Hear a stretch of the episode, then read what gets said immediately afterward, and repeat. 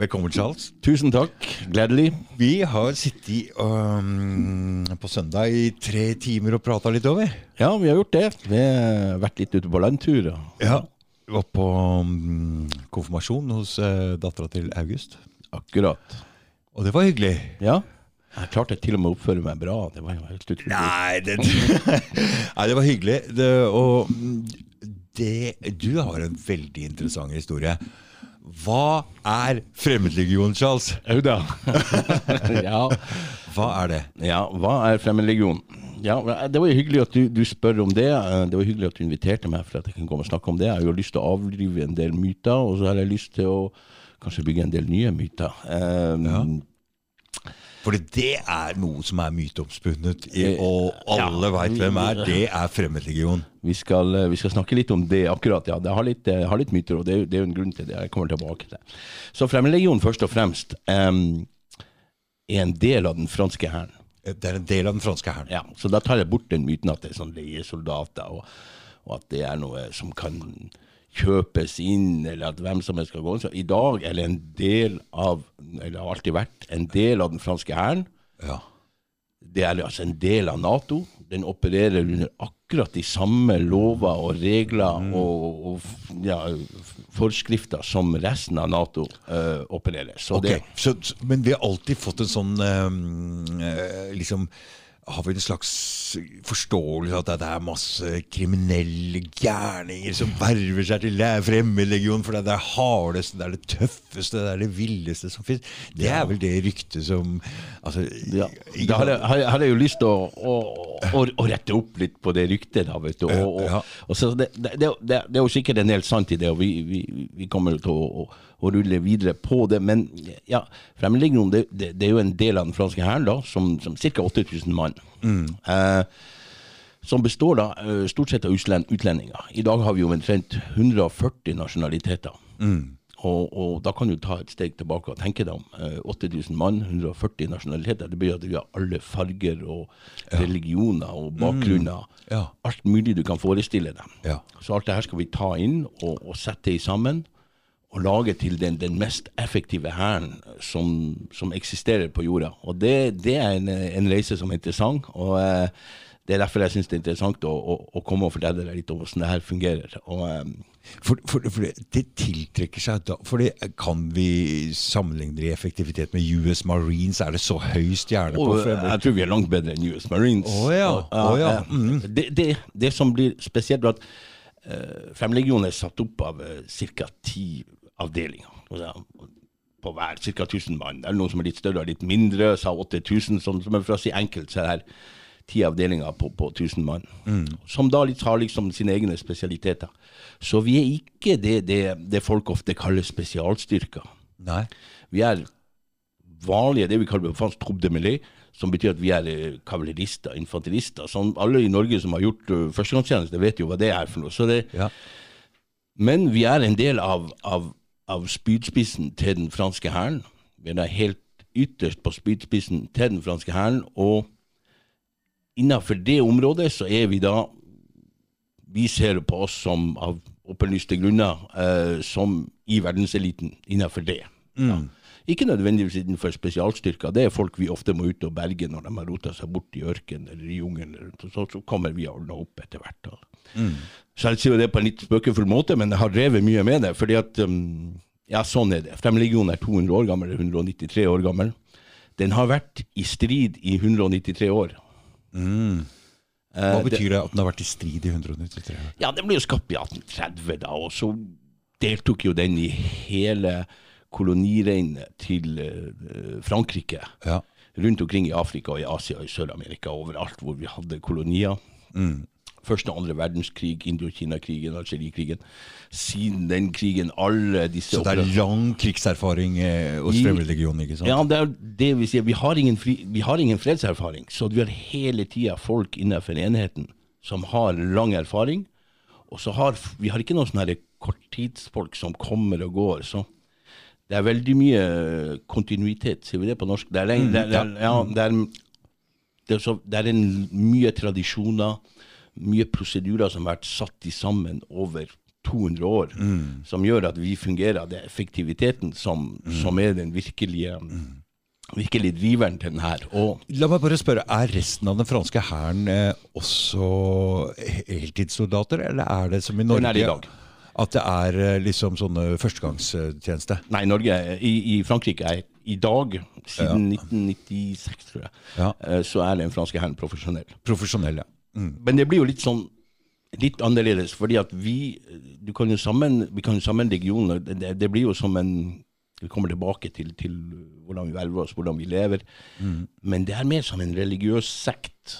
Det er mer som en, en, en familie. et... em, som munker. Litt som vi lever utafor samfunnet, avstengt lite grann. Um, som gjør at vi har en disponibilitet som er mye, mye større. Som gjør at vi er sammen hele tida. Vi lever sammen, vi jobber sammen, vi slåss sammen. Vi lever som en familie. Så det er alt det her vi skal utvikle. Eh, Som gjør oss forskjellige fra de andre. Det er jo ikke våre militære kapasiteter. Nei. Så dere blir sveisa Er det fordi dere er på en måte utlendinger? At det er ikke så At dere har ikke bor ikke liksom har ikke familie. Har ikke Nei. Nei. nei. Så, så, så det som skjer, er jo at det er jo ingen som våkner opp uh, og som blir født rundt omkring i verden og sier at 'jeg vil bli fremmedlegionær'. Nei, det, er- det er noe som skjedde i livet ditt. Det er noe som skjedde i livet til alle. Vi pleier å si at bak enhver legionær så er det en, en, en, personlig katastrofe. Ah. Ja. Hvis jeg hadde vært verdens gode nordmann, god skoleelev og flink og alt sånt bra, så hadde jeg vært trafikkflyger i SAS i dag. Ikke sant? Ja. Eh, men det skjedde jo at ting ikke gikk sånn som jeg ville, og til slutt endte opp i Legion. Så Legion tar jo inn eh, disse menneskene fra over hele verden, tester dem og velger ut de som dem da mener er de beste kandidatene for det her samfunnet. Og eh, det, det, det gjør jo at vi får en, en utrolig eh, en utrolig sterke, sterke bånd. Um, hvordan kan jeg forklare det? Um, Ingen familiebånd, knytter, kaster, går, drar fra landet sitt, sveiser dere sammen til en Akkurat. enhet hvor dere bor tett sammen hele tiden. akkurat hele tiden. Med en, med en selv... eh, Hva skal vi si, en slags eh, selv... Bygger en selvtillit om at dere er verdens beste, ikke sant? Så må vi bevise det hele tida. Du vet, Ja. menn slåss og tar risiko av to grunner. Ja. Den ene grunnen er status, Ja. og den andre er tilhørighet. Ja. Det er to viktige uh, ting dypt nede i mannens steinalderhjerne. I, i, dette snakker vi litt grann oppe på, oppe på konfirmasjonen, og jeg skjønner jo litt grann hva det er. For det fins i noen yrker så er det Du må faktisk komme på jobben hver dag. Du må være flink på jobben for å få en status i, i, det. Og det er det samme kanskje så i, lekeformat på en fotballbane. Akkurat. Ikke Akkurat. sant? Bare det er lek. Ja, akkurat. Og, og det vi kan si at vi tar en Det kommer en kar som ikke gjorde det så bra i hæren i Kasakhstan, f.eks. Ok. Uh, så bestemmer han ja, jeg skal reise til legion. Så kommer han til legion. Han er uh, offiser i Kasakhstans hær. Han har en liten ingeniørutdannelse. Han tjener 600 dollar i måneden. Han kan komme til legion, bli en del av et mye sterkere system, tjene bedre, få en, en annen nasjonalitet, fransk nasjonalitet, hvis han ønsker etter, etter fem år. Ja. Så alt det her litt. Og så tar vi til, så kommer det en annen fra en favela i, i, i Brasil. Ja. Så kommer det to karer fra Nepal, så kommer det en fra Korea. Det kommer de tøffinger ikke sant, som kommer. Ja, ja, ja, det er klart det. det, er klart det. ja, ja. ja, men det er jo liksom Men har du mange nordmenn? Nei, det er ikke Nei, nei, det er ikke Du vet, jeg var, jeg var, jeg var nestkommanderende på etterretningstjenesten og sikkerhetstjenesten i legionen en stund, så jeg var ansvarlig over en to-tre årsperiode Ja. for alle skandinavere som kom inn i legionen. Ja. Og, og, og, og det fungerer veldig dårlig. Dessverre. Ja, Skandinaver fungerer dårlig der? Ja, det er enten eller.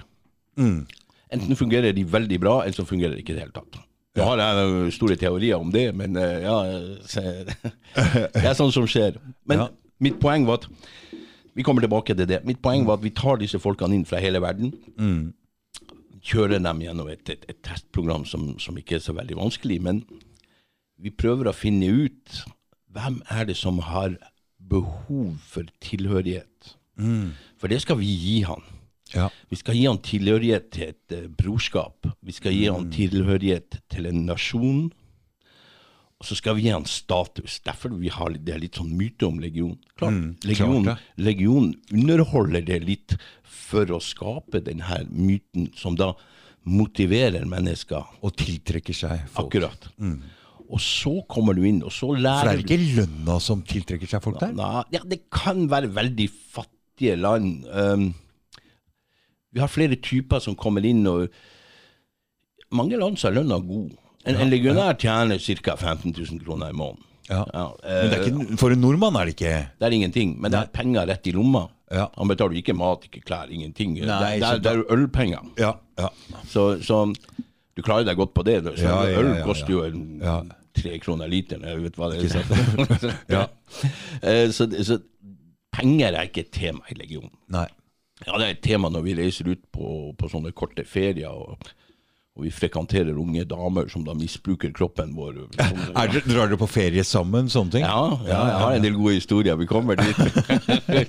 ja, ja, ja det, er- jo hele poenget. Ja, ja. Så. Alt foregår sammen. Så, men hvis de kommer inn, så lærer de da at Eller den som klarer å forstå det, at hvis du også vil ha en status, så må du produsere. Ja. Du må produsere et resultat. Og det er en ekstrem konkurranse i denne legionen, hvor du har fått tilhørighet, og så kan du få status til. Og da motiverer du menn. Du motiverer menn til å yte maksimalt.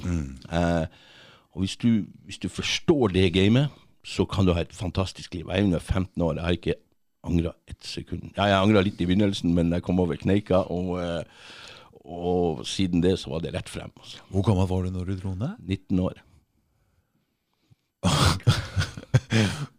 Hva, hva i all verden skjedde, Charles? Hvorfor, Ja. hvorfor og så klarte du å hva, du hvor, hvor fikk du ideen fra? Som sagt, jeg hadde jo lyst til å bli flyger, og så, så drev jeg og, og, og dilla litt med sånn flygerutdannelse, men um, Jeg var jo født uh, lat. Eh, Ja. Du og jeg er i samme gener generasjon, vet du. Ja. Vi, vi var jo allerede da tidlig, tidlig på 80-tallet, slutten av 70-tallet, så liksom ja, Det var jo allerede psykologer i skolen som Ja, sa ja, ja, Charles er, han er skoletrøtt. vet du. Jeg vet det var samme med meg! Ja, ja. Du satt og jatte med meg! Ja, og mer trøtt ble vi jo. Ikke sant? Hadde, du, hadde noen slått i neven i bordet og sagt 'hei, nå, nå går du og gjør det du skal', så hadde jeg bare sagt 'ok'. Ja, Men det var det aldri noen som gjorde. Nei. Nei men så, Det var bare jatting. Så det, det var jo masse fantastiske mennesker som var veldig snille og ville hjelpe meg. Ja. Men, men, men det ble jo sydd puter overalt. Helt riktig. Um, det er min forståelse av det. Heldigvis hadde jeg gode foreldre som, som støtta meg, som ikke gikk helt på tvers. Men, men eh, jeg må innrømme at så jeg var litt for ung til å bli flyger da. Liksom, var ikke, det, var ikke, det, ja, det var ikke seriøst. vet du. Det var sånn, Alle som liksom kom tilbake om fem år. Ja. Og så likte jeg jo Legionen, så leste jeg en bok og liksom hadde litt sånn eventyrlyst. Og så så, så, så ja. Men aleine. ja, ja det var jo, alene. Kontrakten er fem år, det visste jeg. Ja. Så tenkte jeg skal jeg gjøre det her i fem år. Eller det jeg egentlig tenkte var at de kommer jo aldri til å akseptere meg. Mm. Men så fikk jeg jo manna meg opp da til å hoppe på et tog og liksom reise til Frankrike og stille opp på det rekrutteringskontoret med skjelvende knær. Mm. Og, og plutselig så hadde jeg gjort 15 år. Fy faen. Så det, det Fra dagen du kommer inn, så går det i 200. Ja. Så du har ikke så mye tid til å Har du vært i førstegangstjeneste Nei. her i Norge? Det har du ikke vært. Nei. Nei. Nei. Nei. Jeg, vil- jeg vil jo det, det var jo nok en gang men Norge er Norge, vet du. Jeg, vil jo bli, jeg hadde jo stor tro på meg selv, selv om jeg var ganske Ja. begrensa. Ja. Så um, jeg var ikke noe flink på skolen. Jeg har ikke artium. Nei. Uh, så slik som skulle, så, så, så ville jeg da bli det de kaller vel marinejeger i Norge, tror jeg. Ja. Ok. Mm. Og så var jeg på sesjon, og så ble jeg kalt inn til Hærens sanitet. Og det, det her var lenge før internett. Ja. Så jeg drev jo og sendte brev, og nei, jeg skulle i marine, jeg skulle bli marinejeger. Og, Ja, ja, ja. Sanitet hørtes ikke så spennende ut. Nei, nei. Og da så ble jeg til slutt overført til marinen, da, men så ble jeg tatt opp i juli, og jeg visste jo det, eller det var i august, jeg husker ikke. Jeg visste at det var ikke marinejobbdag, da da ble det noe annet. Så jeg tenkte ok, Nei, jeg, jeg går og tar en helgetur i Frankrike og ser om ikke legionen Å ja, så du dro ned dit bare på en helgetur, så om du kunne komme inn? Ja, I de dager så eksisterte det noe som heter interrail. Jeg vet ikke om du Ja, husker- jeg husker det. husker det. Vi kjøpte en billett, kunne Ja, reise over ja, ville en måned. Så jeg reiste ned på den billetten og, og troppa opp. Ja. Og det, det, var, det er jo en tur-retur en måned, så så du visste ikke om du blei der eller ikke? Nei. Nei, nei, nei, det var ingen, som, visste- det var ingen som visste at jeg reiste. Det ble jo litt kaos da med familien. Men oh, ja, de visste ikke. De Ingen visste visste det. Nei, men jeg jo også øh, var ikke helt blåst i hodet. Jeg tenkte jeg skulle ikke komme hjem med halen mellom beina. Alle kom til å le av meg. Så jeg, liksom? Så du sa ingenting? jeg sa ingenting. Nei, nei. Nei. Så jeg bare, jeg bare kom inn. Hvor, kom, hvor, hvor er du fra? Hvor, Jeg er bodøværing. Ja, ja. Bodøværing, ja. Ja. Mm. Jeg var jo bodd i en luft... du var i Bodø-leir. ja, ja, jeg bodde i leir. Ja, ja. Fader. Nei, Jeg kommer egentlig fra, fra Tverlandet, bak, litt lenger inn der. I- Ok. Ja. Så vokste jeg opp på, på Finnmarka, et sted som heter Kongsfjord. Ok. Mm. Så mm, harde kår. Det er harde kår, ja. Ja, ja, ja, ja, det var jo dårlig vær hele tida. For det blir litt tøffere når du kommer fra Nord-Norge enn her nede. Ja, Været? det har en være mm, miljøet du vokser opp i. Det, det, det, Du hører jo på språket. Ja, du vet, vi, du Vi kjenner jo til i dag at, at kroppen utvikler et immunforsvar mot mikrober. Mm. Hvis du blir utsatt for det som barn. Hvis du ikke utsetter dine barn for noen ting, så blir de dårlige. Ja. Jeg er jo helt overbevist om at, at folk utvikler også et, et, et, et Se på norsk kognitiv, Kognitiv. Kognitiv, er det det på norsk? Ja, Kognitiv um, Kognitiv på fransk, men ja, det er sikkert samme. Ja, ja, ja, ja. Kognitiv immunforsvar. Ja. Som gjør at du du lærer da, Hvis du har et litt hardt liv, så tåler du litt mer. Eller du, du blir i alle fall litt mindre overraska når noe litt mer vanskelig skjer. Det er helt klart. Det. Så du må jo bygge opp det der. Så klart, Hvis du er halve året i en snøskavl utenfor et bedehus, så, så, så er det jo bedre enn å sitte på kafé i Oslo. vet du. ja, det er helt klart.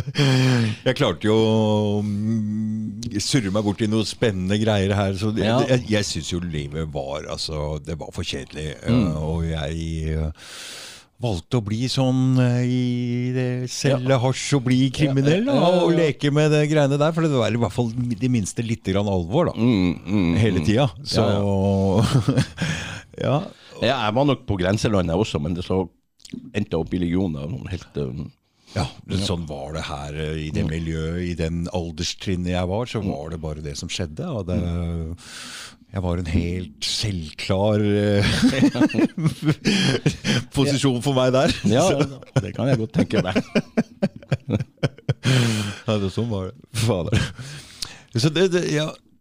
Så du um, Men fortell litt om uh, Du sa det ble etterretningsoffiser også. Ja, vi Hva kan ta betyr, hva betyr det? For det og hva, og hva er det egentlig fremmede Hva er det Frankrike driver og har for slags interesser eh, Det er jo en stund siden du var 19. mm.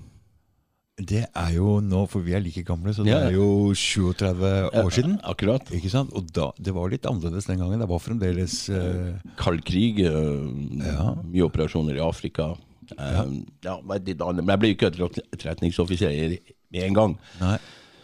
Det, det vi kan si at vi, jeg, deler for enkelhets skyld min, min 15 år karriere opp i tre.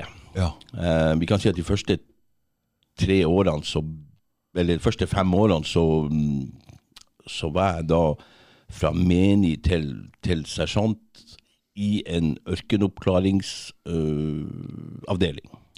Fra Finnmark og snø til ørken, hva? ja, Det er ganske ekstremt. ja det, ble, det ble varmt og godt. ja. Så ja, jeg gjorde rekruttskolen i 1985, og 86-87 opererte vi i Tsjad da. Jeg ble ganske fort korporal, så jeg var sjef på en liten jeep da, som opererte rundt i ørkenen i den nordlige Tsjad eh, mot libyske styrker da, som hadde invadert Tsjad i de dager. Ja. Så der gjorde jeg egentlig min uh, Var Tsjad en tidligere fransk koloni? Akkurat. Ja. Da hadde jeg en forsvarsavtale. Ja. Så reiser vi ned for å, å, å da hjelpe dem å holde ved like deres eh, nasjonale integritet. Hvor alvorlig var det da? Var det alvor? Å ja, det var, det var ganske alvorlig. Det, det var harde kamper rundt i området. Og Libran ble da trykket ut av, av spesielt, ikke så mye oss, men den tsjadiske hæren. De, røyka hasj helt blå i øya, og så sto de på og vant krigen. Så det, det Ja, for det er mye hasj nedi der. Å ja. Ikke noe som jeg vet om. Og um, ja, ikke i Legion. I Legion er det veldig lite. Men, men ja, Chadran brukte det. Det ble jo veldig, veldig uh, For dette er litt Nord-Afrika? Ja, det er Sub-Saharan, eller sørlige delen av Sahara. Ja. Så det går jo ikke der, men de importerer jo da fra overalt. Ja. ja. De bruker Dacha. Det er det samme, samme produktet. Men, oh, ja. men det, um, så det, det var et område hvor jeg da lærte å være sjef på en liten bil, kjøre rundt i ørken hundrevis av kilometer, reparere Hvor lenge hadde du vært i Hæren eh, da? I ett og et og et halvt år. Et og et halvt år. Ja. 20, litt over 20 år og UB-korporal på en jeep eh, nedi Ja, ja. der, i full Ja. krig. Ja, ja det var, men det var jo masse lange ørkenpatruljer, og jeg, jeg, ønsker ikke å overdrive min, min krigserfaring sånn sett. Det, det, Liberaen ønsker jo aldri å ha kontakt med oss. vet du. Når de kommer i kontakt så åpner vilt, så, så trekker de seg med en gang. Okay. De, de trakk seg med en gang tilbake. Så jeg kan ikke, kan ikke Det var ikke noe Stalingrad for, for min del. Og jeg syns det var utmerket, for det tillot meg å, å, å egentlig lære og, og utvikle de her kunnskapene. For det er ganske mye som skal til for å Og en annen ting er vel at Fremmedlegionen er vel litt forsiktig med å dytte 20-åringer inn i de verste, kanskje. Ja. Ikke sant? Du må det, jo det er akkurat det som skjer når vi reiste ned. Så var det jo karer En tropp er da 30-35 mann. ja. på et titalls eh, biler der. Vi har tre panserbiler, så har vi tre jeeper, så har vi et par lastebiler, og så har vi to motorsykler. Det er liksom det som er eh, kjerneopplegget. Disse reiser ut på patrulje som varer da fra en uke til tre uker i ørkenen, hvor det aldri har det er nesten aldri, Vi ser nesten ikke mennesker, eller av og til eh, små oaser. Har dere med dere petrol, eller petrol, mener, bensin for, ja, vi for har en uke? bensin, og så har vi, vi, har, vi har bensin med i bilen, og så har eh, Frankrike gravd ned da hemmelige stasjoner Ja. eh, som blir da fylt opp. Eller vi, vi bruker noe vi kaller koi-baller. De kan fly inn fugl med helikopter, som henger da i en sånn pose under helikopteret. Ja. Da flyr de inn fugl til oss, og så fugler vi, og så kjører vi videre. Så det, det er en del av oppdraget, da. Men det er jo liksom Det er jo der Fremmedlegionen er litt spesiell. det er jo at um, eh, Jeg ville få frem det at det er ikke så spesielt flinke soldater. Det er ikke det at det, det, er ikke, det er ikke individet i legionen som er fantastisk. Nei. Det, det er legionen som er fantastisk. Mm. Så når du tar for eksempel, du ser um, Hva vi skal si Noe sånt som skyting. Ja. Så nå kan vi se at uh, vestlige lands militære spesialstyrker de lærer å skyte opp og ned, hengende og i alle mulige posisjoner, og, og alt det her er veldig viktig. Uh, I legionen så har vi en enklere måte. I min tid så var det helt enkelt. Hvert skudd skulle, skulle nå sitt mål på 200 meter. 200 meter er ikke så veldig langt unna. Men vår doktrine er at på 200 meter så engasjerer vi, og så dreper vi med vettskudd. Mm. Det fungerer veldig bra. Og nå er jo vi det her eh, samfunnet, denne her familien som vi har snakka litt opp. Vi er jo den her sterke gruppa som da reiser sammen, bor sammen, lever sammen. Så når vi kommer inn, det som er viktig hos oss Vi snakker om et sveitsisk urverk. Vi bruker langt mer tid på å samkjøre ting for at prosessen skal fungere. Vi bruker tid på å Elitesoldatens arbeid er egentlig kjedelig og vanskelig og monoton. For det er snakk om å ha ammunisjonsboksen der, på rett sted, rett øyeblikk. At den åpner seg i rett retning. At alt ligger klart inni, at det er et olje eller ikke. det at det er sånn, så, det, så du sparer da et tiendedels sekund når du drar det inn i mitraljøsa. Eller at bilen din fungerer korrekt. At du har fuel, at du ikke kjører den for varm, og at du, du behandler den. Du vet hva begrensningene er. Um, at enhver person vet nøyaktig hva sin jobb er. Og det gjør jo at mesteparten av tida vår går til logistikk. Planlegge, sette de sammen, sette på plass. Det er ikke, det er ikke så fantastisk å lade ammunisjonsbokser. Altså. Det er ikke så, sånn. Men det må være riktig. Og det er der vi Fordi at vi er en familie, vi er, et, vi er en religiøs sekt. Det er en sånn tro i systemet. Og det er en sånn seriøshet som er, kommer fra denne 200 års erfaringa Ja. i strid hele tida. Jeg tror jeg skjønner hva slags følelse dere Ja. går med inni dere. Ja. Det er den som er drivkraften. Ja, ja, ja. det er vanskelig å forklare. Nei, men jeg tror jeg skjønner litt hva dere mener. Det er Mm. samholdet, det er den indre drivkraften. Det er om at dere er for, for hele arbeidet er ganske monotont og kan være kjedelig, og man kan gå lei. Men det er den selvstoltheten, den Ja, som- Og den indre gruppe Ja. som, er, ja, som er drivkraften her. Som jeg sier, når, når jeg var i denne jeepen, så hadde jeg da en sjåfør og en, en kar baki som hadde en, slags, en slags panservåpen i baksetet. Ja. Og så hadde jeg i mitt øye også en jeep, en vanlig gammel amerikansk jeep fra, fra invasjonen. um.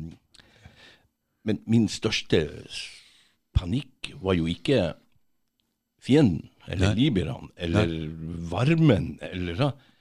Det var jo at jeg ikke hadde gjort noe feil. At sjåføren min ikke kjørte bilen til helvete. At ikke jeg mista veien, eller jeg mista kontakten med sjefen min, som var tre kilometer lenger borte. Eller at jeg ikke hørte han på radio. Unnskyld. Så alt blir konsentrert om jeg må gjøre min jobb i det her sveitsiske urverket som tikker og går hele dagen. Og når du klarer å forstå at når jeg leverer det produktet som forventes av meg, så oppnår jeg Status. en status og en tilhørighet. Ja. Det der var ikke en god idé. Nei, den der har jeg fått kjent for mange ganger. Så det er det, nettopp det som gjør Og da, da bruker vi Det er der legionen blir spesiell. Ikke menneskene. De er vanlige mennesker. Mm. Svakheter og sterkheter og sånn. Men når vi klarer å få de her menneskene til å konsentrere seg, til, å, til å gjøre de kjedelige, vanskelige, ikke morsomme oppgavene til perfeksjon, sånn at hele systemet fungerer, da står du overfor en krigsmaskin som kjører gjennom alt. Og vi sier ofte om legionen som, som spydspissen. så Spydspissen på det franske forsvaret Hvis du ser for deg Frankrike som en, en romersk legionær, eller som en viking, eller som hvilken som helst person, så har han et skjold foran seg. Sant? Som er hardt. Det er et skjold, og sånn. det er liksom det franske forsvaret. Det beskytter nasjonen. Men så står han med et langt spyd, med en spydspiss sånn der. Og fremmedlegionen, det er spissen i spydet. Den er skarp. Hvert molekyl ligger på rett sted. Og du som fiende dykker Frankrike ned, og så pirker han på deg med det spydet. Eller kjøler inn. Så det er vår oppgave. Å kunne gjøre den svingen, være til stede og være spydspissen. Det krever mye. Og når du får det inn i hodet at det er viktig at det er du som tilbringer, eller bringer den den lille kunnskapen du har for å være en del av brikken, eller en brikke i det systemet, og så får du da den statusen og den tilhørigheten når legionen etterpå da øhm, gratulerer, eller gjør at du blir en del av det her samholdet, kommer tilbake, får med striper, eller hva som helst. Ja, men så er det jo en indre forståelse av dette blant soldatene, og hvem som er hvem. Så Ja. Den indre statusen der, den, den, du vet, når folk driver nå øh, og sier at øh, du kan ikke toppe små guttelag, for det, alle skal være like. Altså, Alle unga veit jo hvem som er best i fotball. Altså, Vi veit jo dette her. Det er jo ikke noe hemmelighet. Det, Absolutt. Så, sånn er det. det Så det er en rangering. Og det er klart. Og det, Ikke sant? Og det mest viktige du får i den rangeringa, er at du kan ikke lede uten kre kredibilitet, kan vi si det på nei, norsk? nei, det går ikke. Så her kan du gå tilbake. Her er kor koreaneren som kom, og, og kasakhstaneren som kom, og brasilianeren som kom. Mm. Hvis jeg som nordmann skal lede, så må jo jeg bevise at jeg er best. Mm. hele tida. Ja. Jeg må bevise den kompetansen hele tida. Hvis ikke så får du ikke den, hvis ikke så får du ikke den respekten du skal ha. Ja, men du, du får det ikke til å fungere. Nei, Så, nei. så det systemet er veldig automatisk korrigerende. De som ikke er i stand til å lede. Mm. Og der, Det andre problemet legionen har, at det er jo ikke som resten av verden. Du du kan jo ikke leke. Vi, vi, vi blir jo reality-sjekka hele tida. Det er jo hele tida konflikter. Så det er ikke noe vi sier ja, men jeg liker han, så jeg, jeg sender han Nei. Det, det, det, da, nei. Nei. Så, så du blir kontrollert hele tida. Ja, for det er ikke staten. Nei, det er ikke staten. Og det, er virkeligheten som Ja, det er virkeligheten. Ja. Ja. Så enten fungerer Fordi alvor er en helt annen Akkurat. Det er ikke en powerpoint som du roter bort Nei. to milliarder, og så sier vi nei, vi, vi bare stryker. Du veit jeg mangler det jeg har sagt hele tida. I Norge fins det ikke alvor. Nei. Og da går det som det går. Ja, da går det som det går. Ja, Derfor jeg har søkt meg mot alvor. ja, ja. Jeg ja, har søkt meg mot alvor, for jeg har vært borti alvor. Jeg har vært borti halvveiskrig. Jeg har tenkt eh, ok, hva kan skje, hva er det beste som kan skje? Jeg kan få en kniv der og der. Og jeg tenkte ok, greit. Ja. Det går. Så man Og det er en annen, annen mye virkeligere mye, Hva skal jeg si Virkeligere virkelighet. Absolutt. Og, og det er jo derfor jeg kommer tilbake nå etter, etter 30, 35, 37 år i utlandet, og så sier jeg wow. Ja. åssen- Åssen står det til her? ja. ja, så det er, jo, det, det er jo veldig overraskende. Det kan jo ha en del, del perspektiver. Jeg, Det- jeg, jeg, jeg forstår blir jo utlending i mitt eget land. Det blir du. Og, men er det noe som trengs, er det å komme inn og se ting med andre øyne. For når, du blir, når du, du blir blind, når du øh, vokser opp et sted, du ser ikke, Ja, ja. ser ikke problemer. På den andre siden er det mye jeg ikke vet, vet du. og jeg sliter jo her med mitt ordforråd, for jeg har jo ordforråd som nordlending fra 1985. vet du, så det, Ja. For det går i fransk nå. ja, fransk og engelsk, ja. Ja. mest fransk. Ja. Så, men fortell videre. Så den jippen, korporal, uh, ut litt sånn Ja, jeg, jeg hadde jo begynt der. Vi ble, ja. Så det var egentlig mine, tre første år. Så ble, kom jeg tilbake dit og fikk liksom en stripe og en medalje og flink gutt og klapp på ryggen. Og så sendte jeg meg på sersjantkurs. Ja. Så ble jeg da det vognkommandør. Jeg fikk en, en sånn panservogn med hjul og kanon. Hvor mange, hvor mange, når man er sersjant, hvor mange er det man har liksom kjefte på da? For sersjanter de går og roper litt og kjefter. Ti, Ti- ti mann. Ti, ti mann. Ja. Ja, For det, han er den altså Det er det han som er øh, Ja. Jeg har jo vært i Forsvaret, så jeg veit at Det- det- I legionen så er det faktisk korporalen som er viktigere. Ja, ok. Fordi vi bor jo, vet du, en, et, en eh, Legionærer, når de er tilbake i Frankrike, så våkner vi opp eh, klokka halv seks, og så eh, pisser vi og vasker og barberer oss, og så rydder vi og spiser en rask frokost. eh, og så er vi ute og så løper vi 10-15 km, og så kommer vi tilbake. Og så jobber vi da fra 8 til tolv, har vi en fire timers slett. Og så Jobber med ja, det kan jo være alt mulig. Det kan jo være vedlikehold på vognene, det kan Ja, være kurs, ja, ja, det kan være tur på skytebanen, eh, det kan være alt mulig rart. Men, men vi har sånne mm, Vi kan kalle det en slott, så egentlig så før klokka åtte En så, slott? Ja, ja, ja. Ja, ja, ja. Før klokka åtte så har vi da liksom frokost og idrett. Hvis vi løper langt, så kan det gå litt lengre. Da, ja, så, men da blir den formiddagsslåtten liksom helt til lunsj litt kortere. Da kan vi ha to timers trening, eller to timers skyting, eller to timers vedlikehold, eller hva som helst.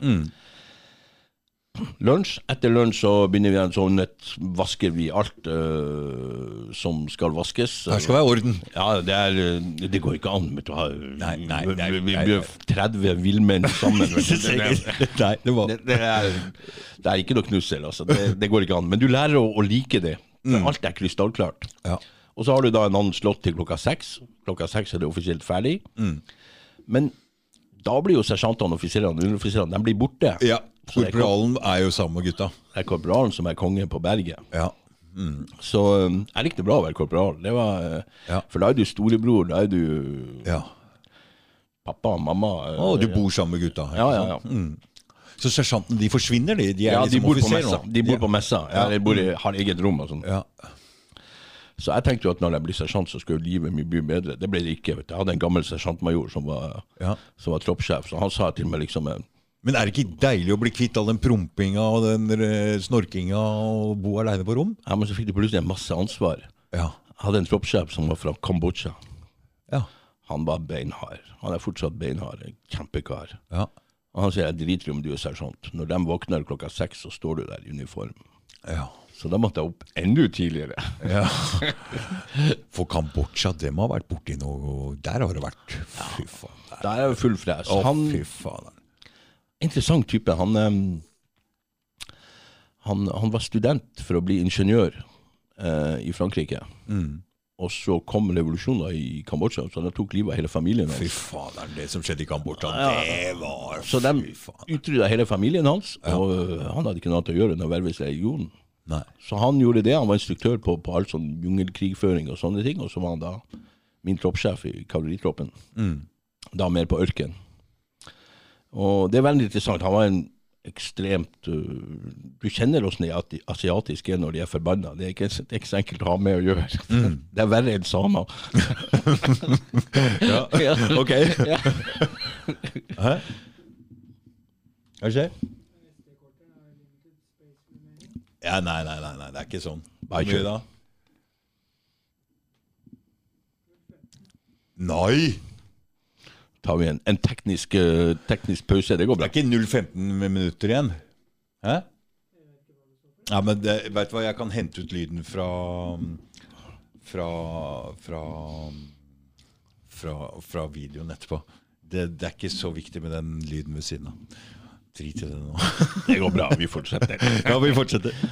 Vi går til det smell. Ja, vi gjør det. Så, så min, eh, min troppssjef eh, Han var troppssjefen da, og senere var han også troppssjefen i, i Golfkrigen. Vi kommer tilbake til det. Oh, ja.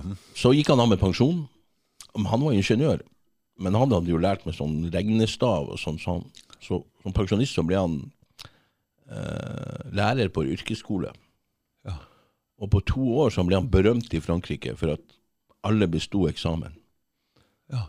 Han, han var fullstendig brutalt. Han sa til foreldrene dere sender meg 16-åringen din på mekanikerlinja. Sånn, Gi meg frie hender. Han får eksamen. ja. Så da ble det sånn venteliste for foreldre som ville sende et annet. For han, jeg tror han fortsatt driver, men jeg vet ikke, han er kanskje helt pensjonist nå. Men ja. han hadde jerndisiplin på gutta, og det var ikke noe kjære mor. Og da, da besto de.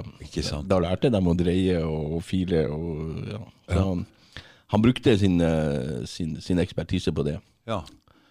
Og eh, ja, han, ofte, han var ofte i TV i Frankrike etterpå og forklarer hvordan han gjør det. For han kjører legiondisiplin på yrkesskolen der. ja. Og det ble kø? Ja, det ble kø for de foreldrene. Så hm, her har jeg problemungen min, og det, det retter han opp i. Ja.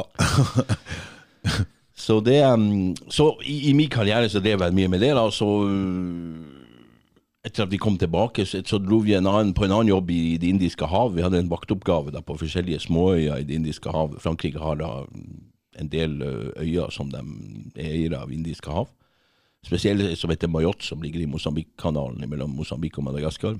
Der vi har et, uh, en enhet hvor vi, hvor vi jobber. Og så jeg tjenestegjorde der, eller min tropp tjenestegjorde der i seks måneder. ja. Der ble det, jo- var konflikt der? Ja, det ble et militærkupp når vi var der på en av naboøyene. Så vi, vi reiste bort dit og ordna opp det. og så reiste vi opp igjen? Ja, Det gikk bra. Ja. Så um, da vi kom tilbake fra det, så gikk jeg nok en gang litt på skole, og sånn, og så plutselig ble første Golfkrigen. Ja.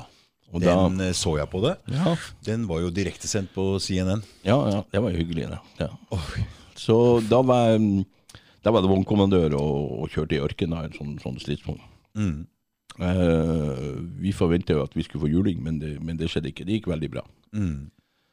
Uh, vi har jo en, eh, en teori i Fremlegium da, når, når vi leter etter fienden på rekognosering og sånn i ørkenen. Når, når, når sersjantens vogn eksploderer, så betyr det at vi har funnet fienden. Kjører først? Ja. Så det var litt sånn spesielt. Men da kom jeg gjennom det også, og, ehm, og etter jeg kom ut av det, da, så fikk jeg enda en stripe da, for ja, kom heldig ut av den kampen. Du, Det var mange som sa at det her var det noe deplo, uranium, og det kom tilbake mange skader. Eller er det bare tullprat? Pessprat. Ja, pessprat. Ja, det, det, det, Ja, for det var noen sånne rykter om Ja, ja, eh, men det, vi, vi bruker jo også det, eller vi bruker tungsten eller depleted uranium. Det er jo det harde stoffet som er ammunisjon. Ja. Så er klart når den ammunisjonen slår inn i, i fienden, så blir det der atomisert, vet du, og det kan jo være litt radioaktivt, men det går bra. Se på meg. Ja. Jeg er fortsatt smellfeit, jeg har ikke blitt eh, kvitt noen kilo. Nei, det er ikke noe kreft her. Nei. Jeg gikk og vassa det der i månedsvis, så det Nei, du vet, jeg, jeg, jeg, jeg klarer ikke å legge meg. Jeg tenker, har jeg kreft? Eller faen, Ja. Håret tyter ut på beina. Altså, det er, jeg veit det faen. Du er i hvert fall Når man er tjukk, så har du Ja, vet at det ser rund noe god ut. Det er ikke noe tjukk her. Nei, Jeg tar det, jeg tar det helt med ro. Ja. Nei, du vet Det er jo min idé da, at ofte folk som, som har en mulighet til å klage og liksom finne, så kan det jo være en økonomisk motivering bak Helt det. klart. Ja. Helt klart. Og hvis du Det er litt sånn rar tanke, for når jeg begynner å tenke at jeg er sjuk, Mm. så føler jeg meg litt sjukere. Det er en sånn greie, sånn selvforsterkende greie. Hvis du tenker Det er noe menn har. vet du Når vi får uh, flu, så blir vi veldig dårlige. ja, nei, men det der, så det er best å tenke at jeg, jeg er frisk. Ja, jeg har ikke noe valg. Jeg vet du det, Jeg har en vanskelig jobb, jeg må være på hele tida. Så jeg kan ikke tulle med det. Så jeg, har, jeg blir aldri syk. Nei. Mm, det Enda en stripe, hva betyr det? Ja, da ble jeg sjefsersjant, stabssersjant, hva du kaller det, og så sendt på, på, på troppssjefkurs for å bli NK, eller troppssjef. Og det er jo et års tid da med kurs og sånn der, etter Golfkrigen. Og så blir jeg da sendt til et sted som heter Djibouti. Som er et, Det har jeg hørt om. Ja, et lite land I Afrika, ikke sant? Ja, ja, på Afrikas Horn. Ja. Veldig interessant lærekurve for meg, for jeg kom dit, jeg skulle egentlig være NK, men så ble det sånn at det, det var ikke noe, noe NK? Eh, Nestkommanderende, ja. Ja. Mm. På troppen, da. Eh, men um, Troppen som består av hvor mange? 35. 35. Ja. Men så øh, Ja, løytnanten var ikke til stede, og så ble han sendt på et annet kurs, og så, så endte jeg opp som troppssjef. Ja. Og det er veldig interessant. Det landet er jo ikke større enn et godt norsk fylke. Men vi hadde jo kontroll. Da var det jo en borgerkrig i landet, og så måtte vi da drive med patrulje på grensene. og Det var veldig interessant. Du reiser rundt med 30 mann, nok en gang ut i ørkenen med dine ti vogner. Mm. Da hadde du ansvaret istedenfor lille jeepen min. Da hadde du ansvaret for hele rukla. Det er jo veldig, veldig god lærerik. Veldig interessant. Um, her i 1992, så um, Hvor lenge har du vært i legionen da? syv år. Syv år. Cirka halvveis i karrieren. Ja, ja. Jeg var den yngste stabssersjanten i Fremlegionen. Å, det er status da, Charles! Hæ? Hæ? Jeg vet ikke, jeg må ha vært jævlig rævslikker. Eller bare jævlig god? Jeg var frekk. Jeg, Var frekk? ja jeg sto på. Nei, men som sagt um, Jeg var ganske konkurransemotivert, tenker jeg. Og så tror jeg at jeg alle legionærer som har vært sammen med legionen, de norske, kan spørre dem om det. Jeg, jeg tar det ikke så veldig alvorlig. Nei. Men jeg hadde forstått at jeg måtte levere. Og så hadde jeg tro på religion, på gospelen. På, um, så når vi fikk oppdragene, så, så gjør vi ordentlig jobb. Og så er jeg jo nordlending, vet du. Kan ikke tulle. Så nei, når det er ordentlig, så er det ordentlig. Så gjør vi det ordentlig. Ja. Og det, og det betalte seg veldig bra. Så var vi heldige. Eh, Kom ut av hver eh, kampsituasjon eh, fordelaktig. Hva betyr det? Hva betyr det? ja, det, det er fienden som dør, ikke oss. Ja, det... Ja, For det har vært borti Å ja, selvfølgelig, selvfølgelig, selvfølgelig. Ja, flere ganger, ja. Ja. I Golfkrigen, før uh, i kom over øh, var militærkupp. Senere vi kom til um, Så det har vært i full strid?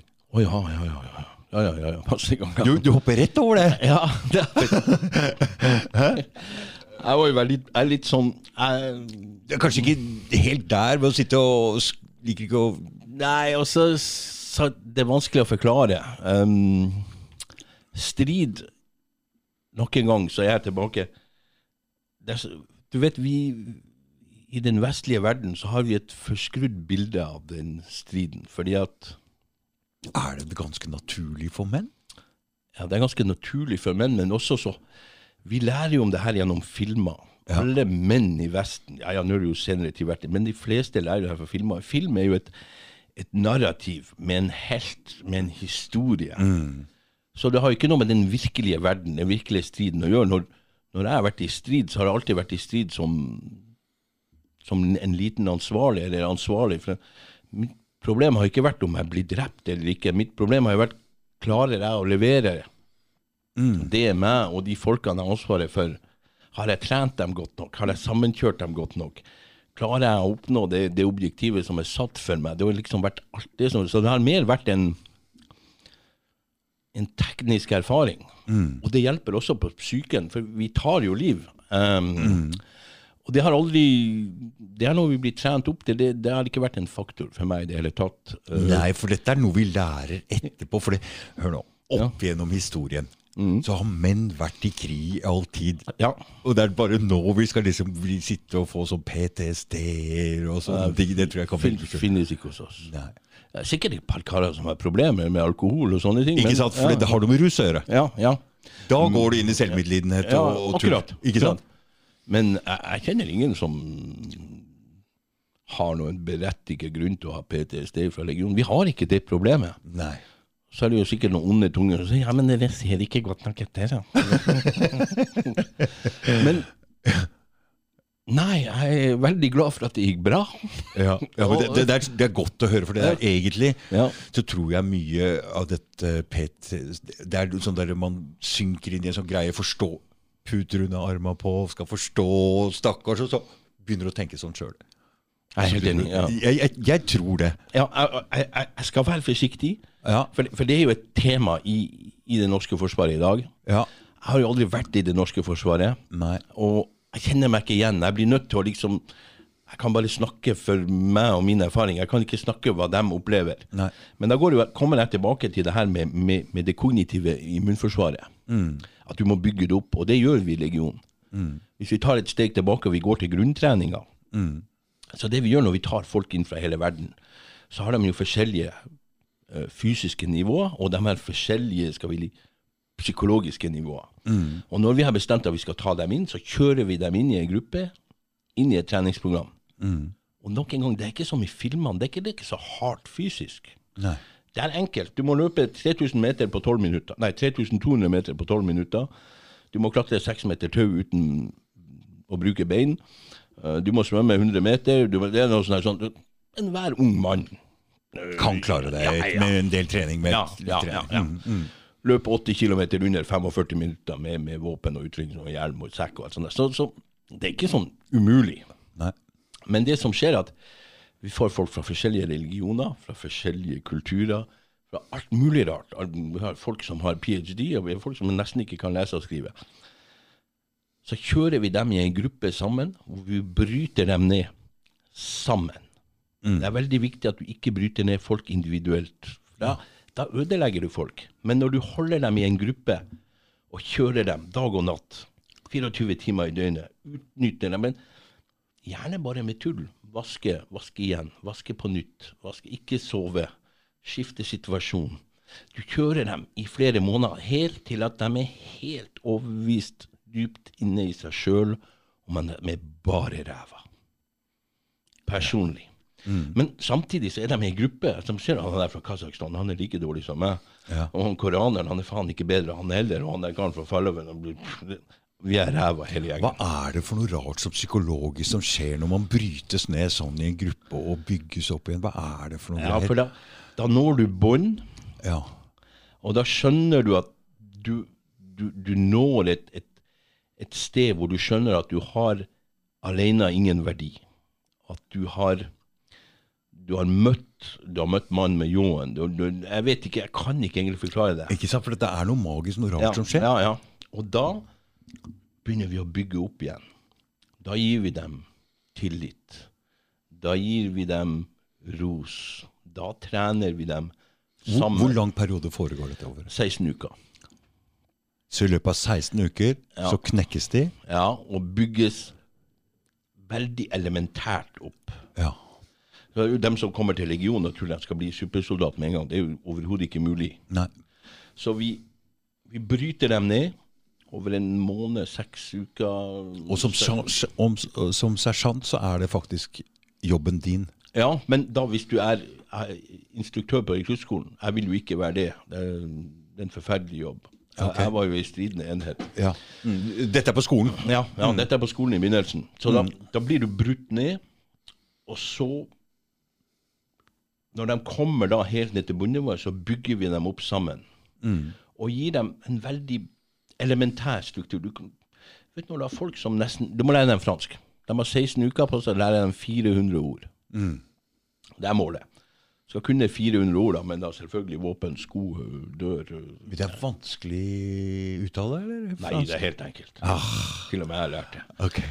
Og så skal de lære da å kunne bruke våpenet sitt trygt på en skytebane. Det skal ikke bli noen supersoldat. Nei. De skal kunne bruke våpenet trygt på en skytebane, vedlikeholde det, ta det fra hverandre. De skal kunne fungere i dagliglivet i en tropp. Forstå at du, vi våkner om morgenen, og den ordren betyr den uniformen, og, og enkle ting. Og det er egentlig hele målet med grunnutdannede, å, å skape den her Enheten. ja, bryte dem ned og bygge opp igjen denne enheten som gjør at det er jo enkelte som ikke passer inn, spesielt nordmenn. Ja. Eh, vi kommer tilbake til det. ja. For du har noen teorier om det? Ja, ja. ja, ja, ja, ja. Mye erfaring. Um, For det er klart, han som, som kom fra, fra Nepal, fra sin landsby i Nepal Du, bare et lite spørsmål. Ja. Disse som brytes ned sammen, for, uh, blir de en tropp etterpå? Uh, Nei, nei. det blir ikke en tropp etterpå. Og da, da kommer den Etterpå så, så får de en eksamen på slutten. Ja. Og så er det en som er ferdig først, og så er det en som er ferdig sist. Eller førsteplass og sisteplass. Ja. Og så velger de da sine jobber eller sine enheter ut ifra hvor de er klassert. Noen velger dem ut. Ja, den førstemann, han kan velge. Han kan velge Så lenge det er plass, kan du velge hva du vil gjøre. Ja. Om du vil bli kavalerist, infanterist øh, Ja, Sistemann antallet som er igjen. Aha. Så der allerede har vi en konkurranse. Ja.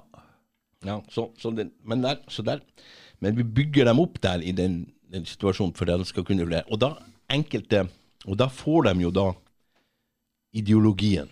Er det noe som eh, Ok, så sisteplass, men er det noen bak sisteplass òg? For det er jo noen som ryker ut her? Ja, det er jo noen som ryker ut i løpet av, av treninga. Det er ikke målet. Nei. Det er ikke målet. Det du, har en, du har en veldig streng utvelgelsesprosess før. Riktig. Ja, så vi sier sånn generelt, i den tida jeg var ansvarlig for det, her, sånn én av 18 kommer inn. Én av 18 kommer inn. Ja. Er det en psykologisk test, eller hva er det som foregår før går- de går- 16 ukene? Ja, det går, det går over ca. tre uker, denne her testen. Uh, denne her eh, utvelgingsprosessen mellom to og tre uker. Hvor du da blir tatt inn, du blir observert. eh, du får først medisinske tester. At du har tenner, um, armer og bein. Ja, ja. Vanlig sånn som hester. ja, ja. Ja. men spesielt vi kjører deg ut på en fysisk test hvis du har et hjerteinfarkt, f.eks. Ja, ja, mm. Først medisintest, at du blir godkjent. Og så kjører vi på en fysisk test hvor vi kjører alle de her minimumskravene. Og så går vi inn på en eh, psykoteknisk test. Det er en IQ-test, rett og slett. Som er, gir en psykologisk gir en intelligens, det vi kaller nivå general, generelt nivå. Så det gir deg utdannelsesnivået ditt, intelligensen din, og eh, din, din um, kapasitet til å leve i gruppe. Mm. Det en, så det er kompetente mennesker som gjør det. Jeg har aldri forstått hvordan de gjør det. Men Nei, nei, De stiller masse spørsmål, så kommer det et svar ut. Ja. Og så blir det da en, en, et, et sikkerhetsintervju, da, som var min del av uh, på slutten, da, eller, eller når jeg var, begynte på etterretningstjeneste, så tar vi et sikkerhetsintervju på. Hva er det? Hva betyr det? Ja, du vet Vi har jo våre metoder for å finne ut om folks fortid, Ja. men vi kan jo ikke vite alt. Nei. Det er klart, Hvis du kommer fra Nepal, så vet ikke jeg om du har stjålet to, to geiter i, i landsbyen din. Hva er viktigst? Ærlighet eller uh... Så det, ja, så alle de som ender opp der, det er forhenværende troppssjefer mm. fra slitne avdelinger, og alle er utlendinger Ender opp som avhørsledere. Ja. Mm. Og hele ideen med det avhøret er jo at hvis du kommer inn der som ung nordmann, så sitter jeg der og så sier ok, så snakker vi i tre-fire timer. Tre-fire timer, ja. Ja, det ja, tre-fire timer. Det er litt som en sånn podkast. Ja, For du får ganske god uh, Ja, ja. ja. Og jeg var ikke veldig klar. Jeg sier det helt enkelt. Ja. Hvis jeg tror på det, så klarer jeg det inn. Hvis jeg ikke tror, så hiver jeg ut. Ja. Så det Ja. Og da er det opp til kandidaten da å forklare litt om livet sitt og sånn og sånn. Det er ganske enkelt. Du, med erfaring så, så skjønner du hvor, hvor karen kommer fra. Og da Da Som jeg sa, karen fra Nepal er nok sikkert mye mer motivert enn nordmannen. Mm. Men hva er dere ute etter å luke ut da? sikkerhetsproblemer. Uh, vi er ute etter å luke ut uh, folk som ikke har kontroll på psyken sin. Eh, folk som vil være frista til å bruke narkotika. For det, er jo noe som vi ikke kan 100 unngå. Men det er noe som vi ikke kan bare la skli ut. Selvfølgelig. Ja. Så vi leter etter mennesker som har struktur. Vi leter etter mennesker som eh, kan gi inntrykk av at de vet hva de vil, og at de er klar til å, å, å følge regler. eh, som det. Og det drar vi jo ut av den historien, den livshistorien de forteller, og så stiller vi spørsmål flere ganger og kommer frem og tilbake, og så skjønner vi det at eh, Er du avhørsekspert? eh, ja, ja, ja, de, de sier det. De sier det. Ja. Men jeg forsto jo ingenting. Men jeg så mitt eget avhør da jeg kom dit etter mange år. Ja. Konklusjonen deres var at jeg var en ubrukelig liten fjott, men siden jeg ikke gjorde noe galt, så kunne jeg få en sjanse. Er det det?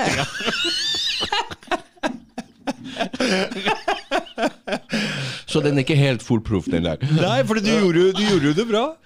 Ja, de, Han trodde ikke at det skulle vare mer enn tre uker, han som hadde kjørt intervjuet på. Nei. Ja, så, Så det går an å ta feil. ja. Jeg har sikkert gjort det samme. Så det, så det um, Ja, den, den prosessen er, er interessant. Så etter at alle de her um, testene har blitt gjort, så kjører vi en kommisjon, og da sitter det en kommisjonsleder og sier da «Ah, Dag Thomas, ja, sånn, sånn, hva sier legen? Legen sier det, og OK, jeg tar, eller jeg ikke tar. Så um, da tar vi det vi trenger denne uka, og sender dem. Tar ut det dere trenger, og sender resten hjem. Ja. Derfor blir det bare én av 18. De aller fleste kommer ikke gjennom alle de testene. Nei. Og så er det noen som kan komme gjennom testen, men som ikke blir valgt for det. Ja, For dere har ikke plass, eller? Ja, og ikke. alltid når folk spør meg når jeg skal verve meg, så sier de ja, 22. desember. Ja. Har ikke en kjeft. Ja. så eh, ja. ja, for da er det minst folk der. Ja, for at det er klart Og når du snakker om kriminelle Ja. eh, Hvorfor har vi så få kriminelle? Vet du, den, kriminelle er ikke interessert i å voksne, våkne opp klokka fem om morgenen og løpe rundt og barbere seg og springe 15 km før frokost. Og så får vi inn folk fra hele verden som er kompetent, motivert, eh, ofte godt utdanna. Han der eh, hobbykriminelle fra franske forsteder, eller fra Tysklands forsteder, eller fra engelske forsteder, har ikke sjans. Nei. Han har ikke sjans. Du, det, mm, han ryker ut. øh, han blir forbikjørt. Ja. Vi er tilbake til min kamerat fra Kasakhstan som er ingeniør, som er 28 år gammel. Ja. Som har gått fire år på universitet, som kan løse ligninger øh, på papiret. Som har vokst opp, øh, som har drevet med kickboksing hele livet. Som har vokst opp i et miljø hvor hvis du ikke banka alle sammen, så fikk du, fikk du ikke beholde dama. Eh, han er konkurransemotivert. Eh, Han vil ha fransk nasjonalitet. Han er fornøyd med lønninga. Han ser det her Det som blir vanskelig for en nordmann å konkurrere her, hører jeg. Jeg skjønner Det det. har ikke sjans. Nei, det har ikke sjans. Nei. Fordi de kommer fra et land med ordentlig alvor. Ja. Det har vært problemet til Norge hele Ja. tida. Det har ikke vært ordentlig alvor her, og folk blir for veike av det. Vi har ikke et kognitivt immunforsvar. Jeg prøver å få det der gjennom. Ja, ja. Og jeg har jo snakka med mange nordmenn som ville være i legion, eller som ikke klarte det. Og, liksom, og, så, og det, det er jo alltid den samme pattern. Vet du. Som jeg sier, det er et hardt arbeid. Og de har sett for mange filmer de tror at de skal gjøre sånn grandiose Og så er du jo ung når du kommer ned der. Det er ikke Ja, ja. lett å ha en forståelse av hva du går til når du er 19-20 år. Den Nei, og der, så blir du. jo satt til å vaske da i en uke den samme dagen. Liksom. Ja, men jeg har ikke kommet for å gjøre det. Ja, altså Ja. ja, Soldatlivet er hardt, vanskelig og tungt. Det er ikke så veldig glorisk. Altså. Det, Nei. du sliter deg ut. Og det Og da er det jo greit å kunne reise hjem til Nav. Ja. Nei, legionen var ikke for meg. Og så kan de fortelle historier. i Ja, ja, her. ja. Ja. De forteller aldri til meg, merkelig nok. Ok, så du var avhør, du drev med avhør. Ja, vi går tilbake. Så da tjenestegjorde jeg i Djibouti. Ja. eh, 1992, 93, 94. Da på grensene til Djibouti. Da var det grense til Eritrea, grense til Etiopia, grense til Somalia. Her er det et bråkete område. Ja, ja, det- Og så hadde de borgerkrig da mellom Afar og, og Isa, de to stammene. sånn det, der, der var det ganske hairy. Så da brukte vi stort sett å være to uker ute i bushen på patrulje. Komme tilbake, så Nå er det ikke jungel, nå er det det er ørken. Fullstendig det, ørken. det er ørken. ørken ja, ja, her, det er fullstendig ja, ja. forferdelig høl. Du kan se på kartet. Det. Vi har Lacca Salvi er et sted som er 130 meter under havoverflata. Det er så varmt, det er 60 grader i vogna vet du, når vi kjører der. Så da må du ikke kjøre varm. Det er et problem. Men eh, sånn, uansett, det er veldig veldig vanskelig um, miljø. Og så er det litt sånn stammekrig i området, og så skal vi liksom da uh, installere lov og orden. Noe som vi gjør veldig bra. Vi har veldig gode argumenter for det. Og em, Eh, så det blir to uker på, på, ute på grensene på patrulje, så vi er inn, og så dusjer vi, eh, tar en fest en kveld. Og så har vi ei uke eh, ned på byen hvor vi da er militærpoliti for selve hovedstaden. Hvor vi holder lov og orden der. Ok, Så militærpolitiet til Fremskrittspartiet holder orden i byen? Ja, Ja. det høres bra ut. Ja. Ja. ja. Det blir litt sånn ordenspoliti. Og, og så, Men åssen er det å feste samme sted etterpå, da? Hvem skal holde orden på dere? ja, det, de vet jo det at det er veldig kontraproduktivt å være uenig med oss. Ja. ja. Så, så, så det blir veldig billig i barene. Jeg vet ikke hvorfor. Jeg var jo alltid da på søndagsskolen. Ja. Ja. Er det viktig å feste ordentlig sammen med gutta? Ja, vi hadde en stor diskusjon om det. Min kaptein, da var jeg ung droppsjef og da øh, sjefsersjant. For det er jo også en slags bonding. Ja, han, øh, han øh, kaptein Vendek, Antoine, han er i dag firestjerners general og sjefen for den store franske øh, offiserskolen. Kjempekar. Men vi krangla mye. For han mente at vi skulle være litt mer formelle, men han sa jo ofte til meg det er ikke en tropp du har, det er jo en bande. For han som var NK-en min, hadde jo gått på sersjantkurs sammen med meg, og halvparten av dem hadde vært i Golfkrigen med meg, og den andre halvparten hadde vært i, i Tsjad med meg tidligere. Så det var jo en himla gjeng. Så vi, vi var jo så samkjørt at vi reiste på byen alle sammen. Ja. Eh, da selvfølgelig søndagsskolen. Ja. Og så kom vi tilbake klokka seks om morgenen, og så var det på jobb. Og du kan gjøre det når du er 27, vet du. ja. Ja, Det går bra. det går bra. Så det, um, det var jo et kjempekjør. Og etter ei uke som Hvis du tar en måned, da, to uker på, på, på grensene rundt omkring patrulje, inn ei uke på byen, da, og så er du tilbake ei uke i leira hvor du da reparerer vogner og setter de sammen utstyr og har vakthold og sånn, og så er det ut fire uker, to uker til. Så sånn holdt vi på over et år. Og så brøt det ut borgerkrig i Somalia. Da rykka vi inn i Somalia. Her er hot. øh, Det Ja. er bare kaos òg. Ja, der var bare også kaos. Og der tok vi kontroll over et stort område i Somalia, hvor vi da gjen, uh, gjenoppretta lov og Hva, hva kommer at øh, Fremmedlegionen er i Somalia? Er det noen franske interesser der? Det er bare, bare Nei, det var jo nordmenn i Somalia, så det Ja, ja, ja, det var Nato-opplegg? Ja, det var vel FN, da. FN, Ja, FN. Mm. ja, så de bra til å si. Nå opererer jo vi under litt andre formål, da. Så vi var inne i Somalia i, i ni måneder, tror jeg. eh, hvor vi gjenoppretta lov og orden i et område hvor vi kontrollerte. Mm. Eh, nok en gang veldig samkjørt. Det er jo der du Det er jo der du oppdager at eh, det er ikke du som ekspert som klarer noe. Det er den her samkjørte troppen hvor du, du kan gå inn i en landsby og hele troppen din er overalt, og alle vet hvor alle er. Og Hvordan ser de andre landenes militære på Fremmedlegionen, og hvordan ser somalierne på Fremmedlegionen, og hvilken, hvilken status har Fremmedlegionen blant andre? Har du noe formening om det? Da vi var i Golfkrigen, så hadde irakiske tropper de hørte at det var Fremmedlegionen som kom mot dem, som Saddam Hussein eller hans folk hadde overbevist om at uh, Fremmedlegionen spiste sine fanger. Så de her stakkarene de droppa jo våpnene og bare sprang av gårde i ørkenen. Ja. Så vi hadde jo et svære liv med å få samla dem opp, de her fangene. Mm. For når du tror at det skal bli lunsj, så det løper de veldig bra. Så um, Så Fremmedlegionen har en, øh, har en spesielt uh... Ja, og så tror jeg at eh, Som sagt, det er få hærer som kan si Da kom jeg inn i Somalia, da hadde jeg vært åtte år i legionen, var troppssjef, også NK en stund. Eh, de fleste 35 menneskene jeg hadde med meg, hadde jeg kjent i fem-seks år, i alle fall i to-tre. Jobba med dem i flere operasjoner. Mm. sånt eksisterer ikke i andre hærer. Nei. Nei. Og så hadde vi vært på ferie sammen, de få gangene vi hadde festa sammen. Vi feirer jul, vi lever sammen. Det her er mine brødre.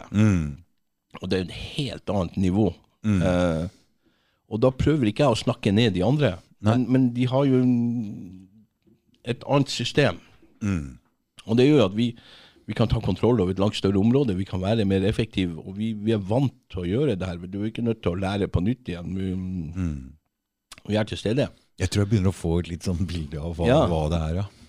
Og vi, vi, er, vi hadde konvoieskorte, eksempel, og da eksporterte jeg en sånn fuelkonvoi for amerikanerne over noen hundre kilometer. Eh, og da vi skulle overlevere til, til italienerne, så nekter amerikanerne. Og amerikanske damer som var sjef for konvoien, og sa de at nei, nei, ja, vi vil ikke ha noen italienere. Vi vil ha den derre gærne franskmannen. de beskytter oss bare, For de ble jo angrepet flere ganger. Amerikanere vet du, med tankbiler de liker ikke å bli skutt på. Jeg vet ikke hvorfor.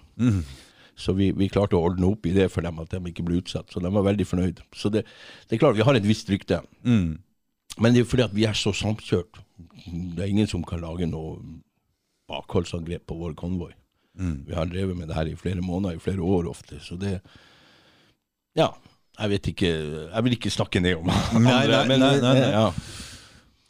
Så den eh, Det gikk bra. Så da, etter Somalia var jeg tilbake til Djibouti, og så ble jeg sendt tilbake til Frankrike, tilbake på skole igjen. Eh, tilbake til Etterpå det var vi i Sarajevo en, annen nimånedersperiode under eh, krigen i Sarajevo. For nå kommer det ja, krigen. ja, ja. Uh, der var ganske hot også en stund. Og når jeg kom tilbake fra der, uh, så ble jeg plutselig overført til, eh, til Etterretningstjenesten. etterretningstjenesten. Um, det er ikke noe du kan velge, du blir utvalgt. Hva i all verden driver etterretningstjenesten til Fremmedlegionen med? Aner ikke. Åh! For det er hemmelig? Ja, her er det vel noe hemmelig Nei. Dette er jo hemmelig den, greier. ja, det er jo en del hemmelig, men vi kan si at det er to, to Den har to, eh, to sider. Vi kan si at den er intern sikkerhet og etterretning. Så den intern, Intern sikkerhet, da går det deres egne soldater etter i sømmene. Akkurat. Og så har vi en kompetanse, fordi vi snakker mange, mange språk, og vi har folk fra hele verden.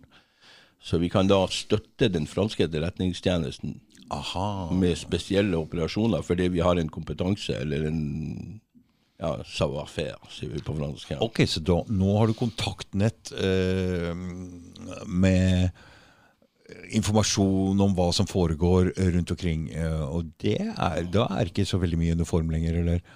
Ja, Iallfall hvis du er offisielt, så, så, er du uniformen. uniform. Ja. Ja. Men det- ja, det Da, og da begynner du å få et litt bilde av hva som foregår rundt i regionene. Ja, men det er jo det som er vår oppgave. Ja. Så jeg begynte jo da på intern sikkerhet, som jeg sa, hvor jeg ble overført Jeg har jo en morsom historie om det.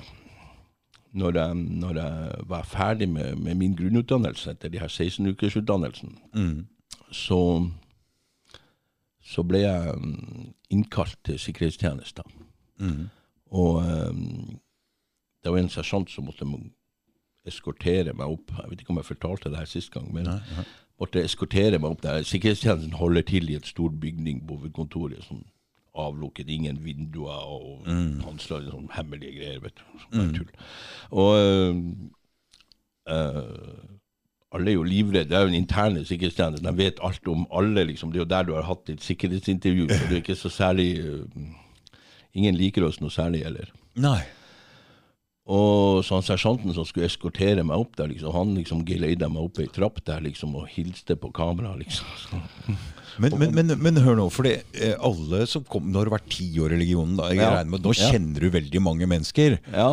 Uh, og er ganske godt likt. Men er det sånne folk som blir døtta, opp i etterretninga, så har de vel ikke så, er vel ikke så hata av de andre legionærene? Nei da, nei da. Men det, det er jo mer et inntrykk av at vi lært alt. Men jeg skal forklare deg det. Jeg kommer, kommer med en liten Ja. historien. Så, så, mm, så ble jeg tatt inn der. han Sersjanten han stikker jo av med en gang. for Han blir ikke ha med det her å gjøre. Vet du. Og så ble jeg tatt inn på en sånn svært kontor med sånn Jeg bruker alltid å fortelle historier. Det var sånn linoleum li? Linoleum. Linoleum. Som er polert da i 50 år. vet du, er soldater hver dag. Sånn, alt knirker. og sånn. Sånne grå venger med sånne gamle militære plakater. altså Et enormt skrivebord som du har tre ganger større enn det her bordet, med en sånn mekanisk skrivemaskin. En sånn grå greie. vet du. Og der sitter en liten jævel og ser på meg, liksom. Og jeg var liksom og jeg, sa, jeg gikk ned og presenterte meg, liksom. Ja. Og der fikk jeg kjeft på fransk, så det sang jeg til. Jeg skjønte jo ikke hva det var. Han skjønte jeg at jeg ikke forsto, så fikk jeg med en på høyre øre og en på venstre øre. Og, Hæ? Ja, ja, ja. ja. For juling. ja. Og jeg fikk noe djevelsk kjeft. og Jeg skjønte fortsatt ikke. Så han, det gikk jo til slutt opp for han at jeg ikke forsto ingenting. Sånn.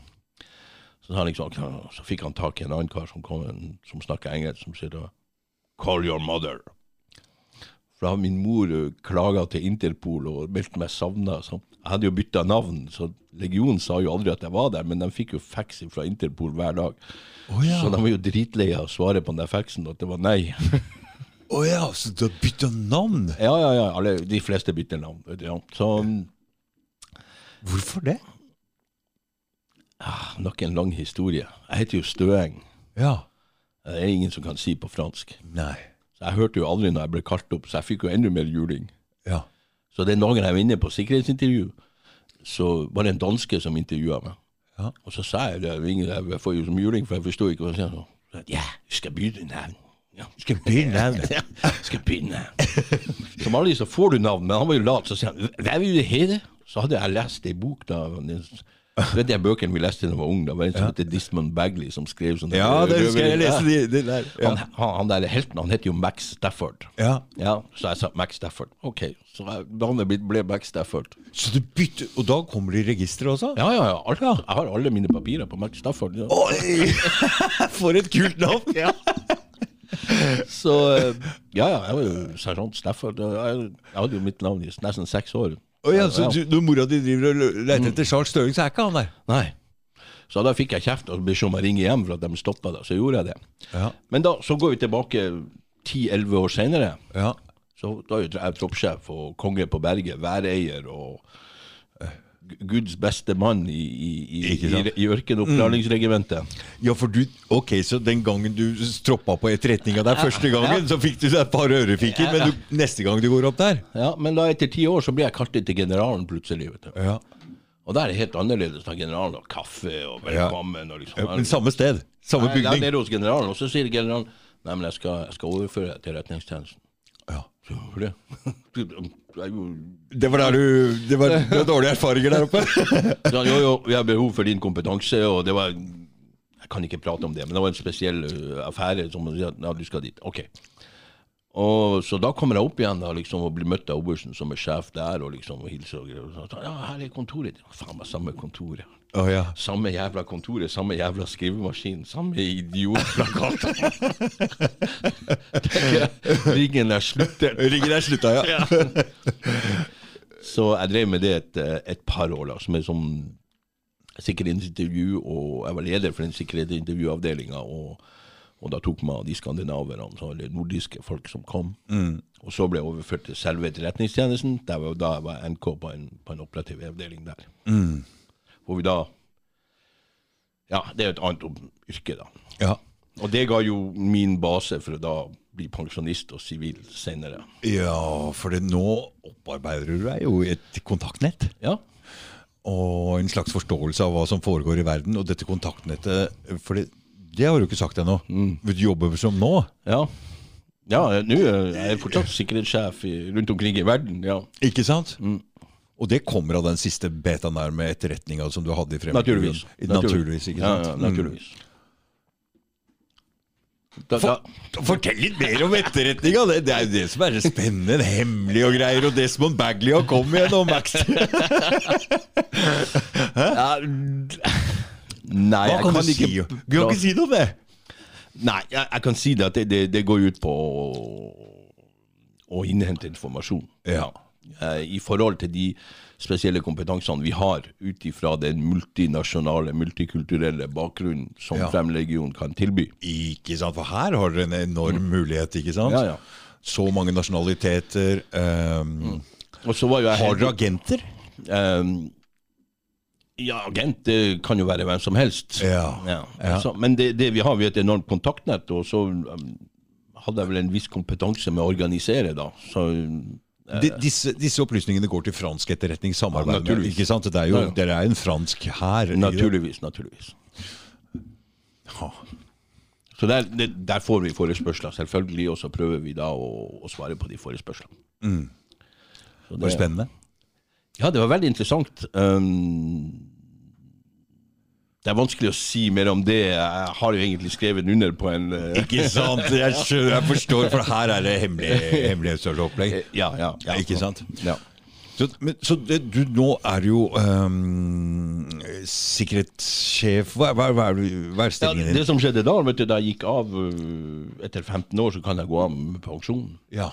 Mm. Og Så du har full pensjon fra, fra Ja, nesten. Jeg har 80 eller, eller maksimum til 80. Jeg har 72. For hvert år du gjør, hver krig, hver operasjon gir deg poeng. Ja.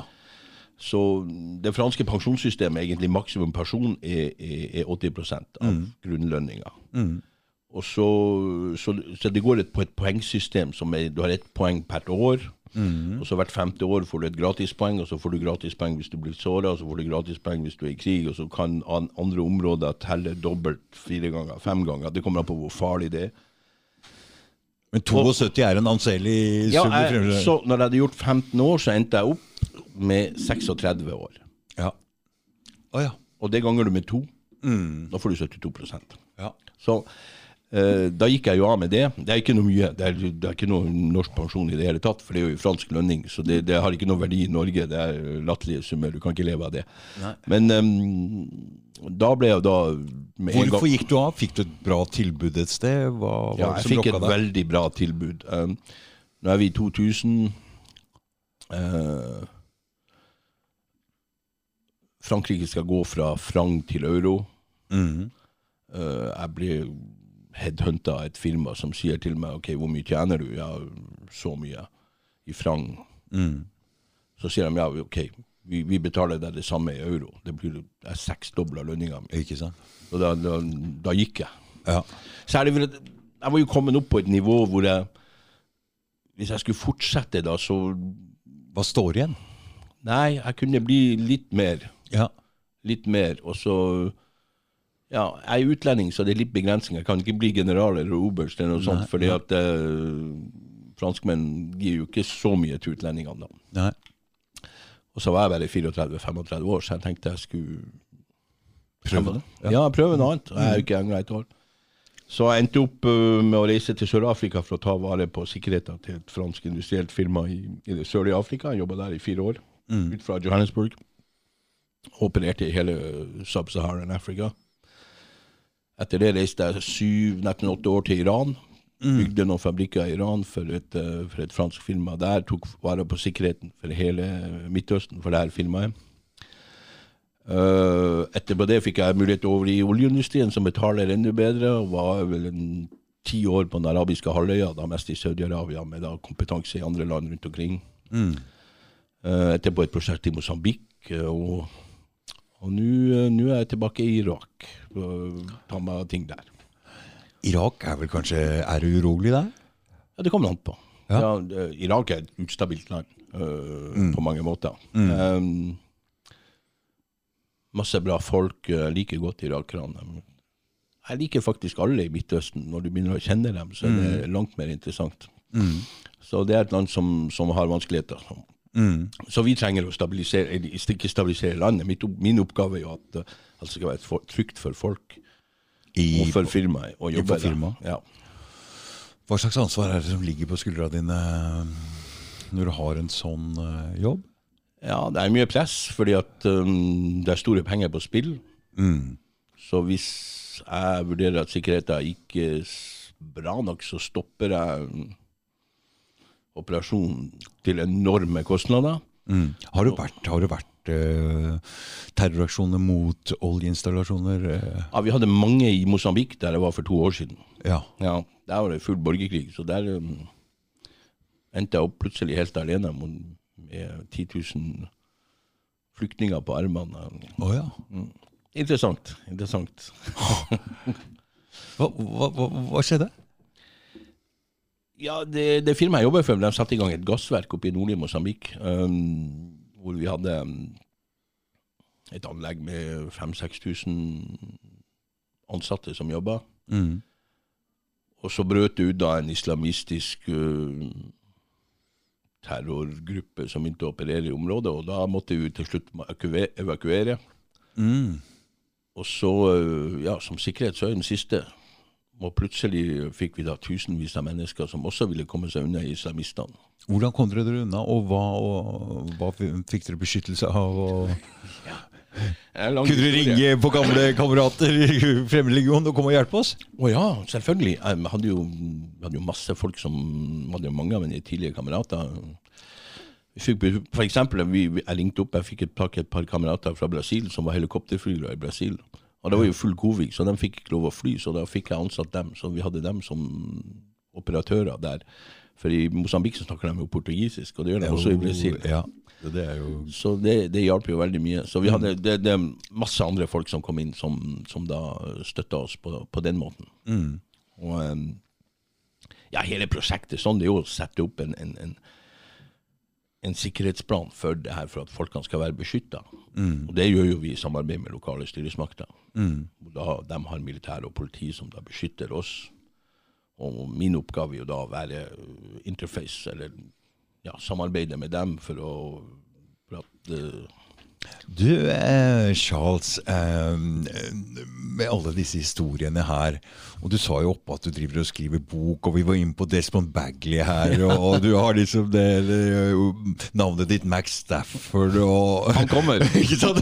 Han kommer. Boka kommer, ikke sant? Ja, det kommer to. Ja. For her er det nok til jeg, jeg, jeg, Altså, synes det var veldig moro. Jeg, jeg begynte et prosjekt som er litt sånn, sånn biografi. Den ble veldig teknisk. ja. For jeg er veldig opptatt av å få gjennom, få frem det her eh, mentaliteten, prosessen, alt om legion. Og jeg vil jo ikke si noe feil, så jeg sleit litt med den. Så jeg begynte å skrive en annen bok som en roman. Hvor jeg har, Ikke? Hvor jeg har langt mer frihet, men som jeg jeg sant? bygger på um, Ikke sant? Ja. Så vi ser hvor dårlig jeg er, da. Ikke, um, Hvor langt har du kommet i dette prosjektet? er 100 sider på hver. Ja. Ja. Du skal få en kopi og skumlese. Ja. Ja, for det, altså, det er ikke mange nordmenn med så mye krigserfaring og så mye erfaring fra urolige områder som det du har hatt. Det kan det ikke være! Ikke som jeg kjenner til. Nei, det kan det ikke være. Men, men jeg er jo bare en vanlig litt overvektig nordlending uten hår på huet. Så jeg ligger lavt i terrenget. Nei, det er spennende. For et, for et spennende liv. Ja, det, det har jo vært mye rundt omkring. Vet, Iran for eksempel, er veldig interessant. Syv år. Vi hadde 51 underleverandører. Som gjør at jeg reiste rundt i hele landet. Hva er Iran for et eh, land, du? Det er et Det er masse Det er et stort land. Ja, det er veldig stort. Det er, Og du har jo fått med deg noe hjem derfra også? ja, ja, ja, jeg blir jo nødt til å gifte meg en dag. Ikke sant? sant? Veldig hyggelig dame. Du, sitter, du, de sitter dem, du hører dem? Nei, jeg hører dem ikke. Hører vi ikke? Nei. De sitter og skogler og, og skravler og ler oppe. Hører du det, Børge? Så de har fått en rødvinflaske. Ja, det er ikke noe rødvin oppe, men Høres ut som du koser seg. Ja. Jeg visste det at du skulle ta med huset. Ja, det er bra. du kom til å like er bra. hverandre der oppe. Ja. Nei, det blir jo, det, det, Iran er et interessant land. Det er veldig, veldig gammelt land. Veldig Ja. interessant. Det, det har vært Landegrensene til Iran de har jo mye bevega seg, men stort sett så har de vært uskifta i over 2000 år. Ja, De har jo vært større, da, spesielt når de hadde et imperium. Men eh, det er en gammel kultur. Eh, det er en, det, en veldig interessant uh, historie, en veldig sånn kultur. Og så har de eh, en veldig høy nasjonal følelse. Og, og så er det et land som har, um, har en historie som gjør at de kan de kan hekte sin fortid på noe. Så det gjør det et veldig stolt folk. I forhold til yngre land, som kanskje var uh, mange afrikanske land da de ble kolonisert, var de jo en tidlig jernalder. De hadde, ikke, de hadde jo en historie som alle andre, men den, De- ikke, de- ikke, Disse har en historie de er stolt av, Ja, som ja. skaper en nasjonal uh, stolthet. Absolutt. absolutt. Og det der med shia og sunni-muslimer, er, Ja. det bare, er det bare Iran som er shia? Nei. Nei. Nei, Iran er den eneste shia Ja, ja, det kommer an på. Iran er jo en shia-dominert uh, stat. Uh, Syria er litt annerledes, uh, nesten shia. Ja. Storparten av irakere er shia. Så shia er Å, ja. enten er de sunni, eller så er de sunni-kurdisk, eller er de shia. Men de fleste mm. Er mange irakere i slekt med iranere? Ja. Akkurat i dag så øh, Mange irakere vil jo si at uh, shia-islam kommer fra Irak. Ok. Og det har de jo egentlig rett i. Ja. Ja. Men så finner vi også shia-muslimer i Jemen. Vi finner shia-muslimer som en undertrykt uh, minoritet i Saudi-Arabia.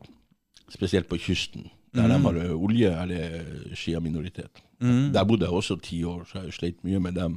Mm. Er det forskjell, Syns du det er noe forskjell på sunni og shi og sånn i uh, måten Ja, det er jo helt forskjellig. Uh, oh, ja. Det er en større, mange, mange tror jo at det er, en, det er som protestant og katolikk, men, Ja, men ja, jeg ser det er mer som kristen og jøde. Ok. Ja, eh, større forskjell uten å gå inn i noen dype teologiske mm, forskjeller. Så Nei, men jeg tenker sånn i, i mentalitet, eller mm. har du noe Ja. formening om det?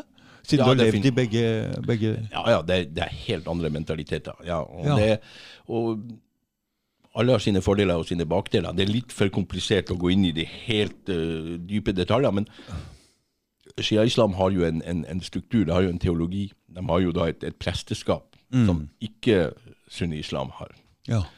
Uh, nå er det sikkert masse teologer og spesialister som kommer til å sitte og høre på og si at det er feil, så jeg skal ikke gå inn i detaljer. det finnes nei, mange det skoler. ikke, Jeg lurte egentlig ikke på Ja, detaljene Ja, ja. der. Jeg tenkte Nå har du vært borti en del folkeslag, jeg tenkte, og de er jo i konflikt, så det holder. og Ja, men du vet Er de den haussa opp, den konflikten? Hvorfor Ja, Det handler alltid om makt og økonomi. Ikke sant? Ja, eh, religion blir jo brukt Så eh, for å sette grupperinger opp mot hverandre? Ja, ja.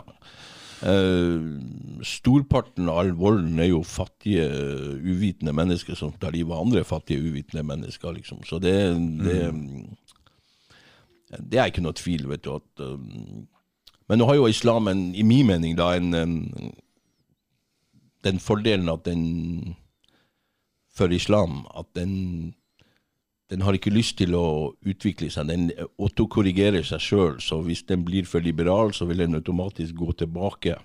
Ok.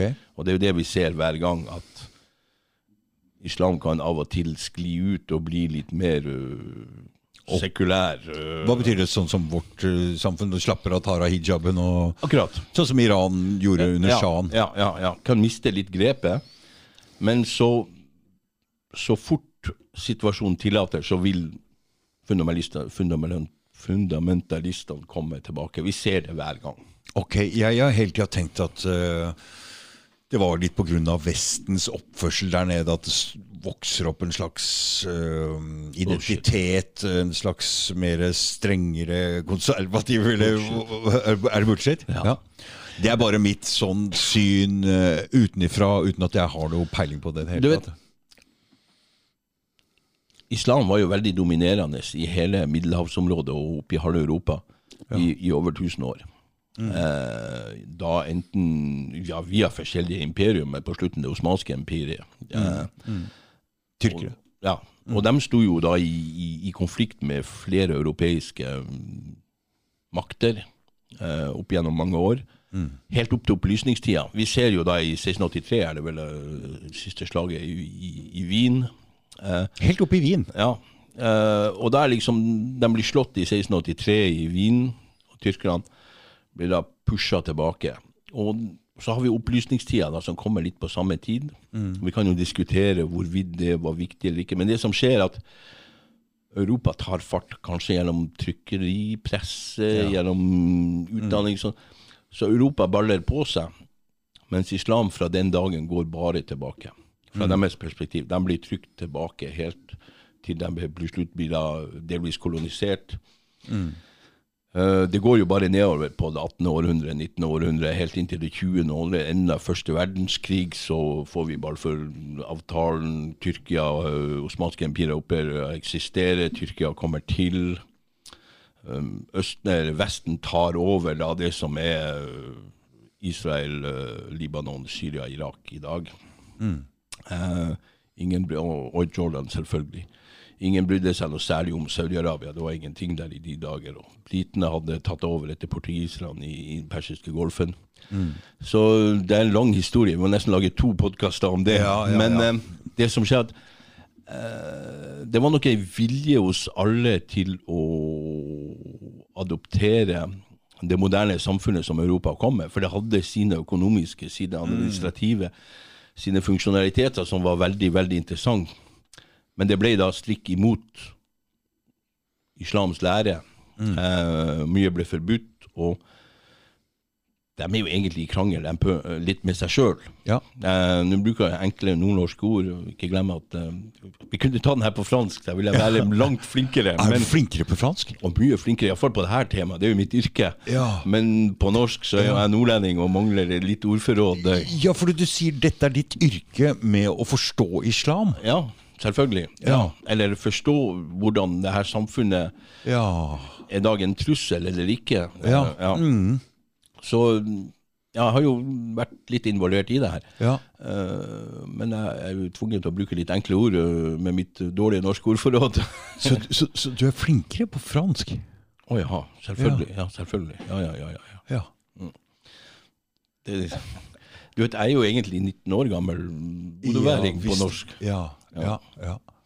Så jeg har For det er du bruker kognitiv, og så sier det, er det et norsk ord? Ja, ja. Da, ja, jeg Ja, jeg har jo en masteroppgave i etterretning og på islamske oh, ja. men oh, ja, så dette er spesialfeltet ditt, ja. ja, det, var, det begynte jeg å bygge opp eh, tidlig. Ja. Ja.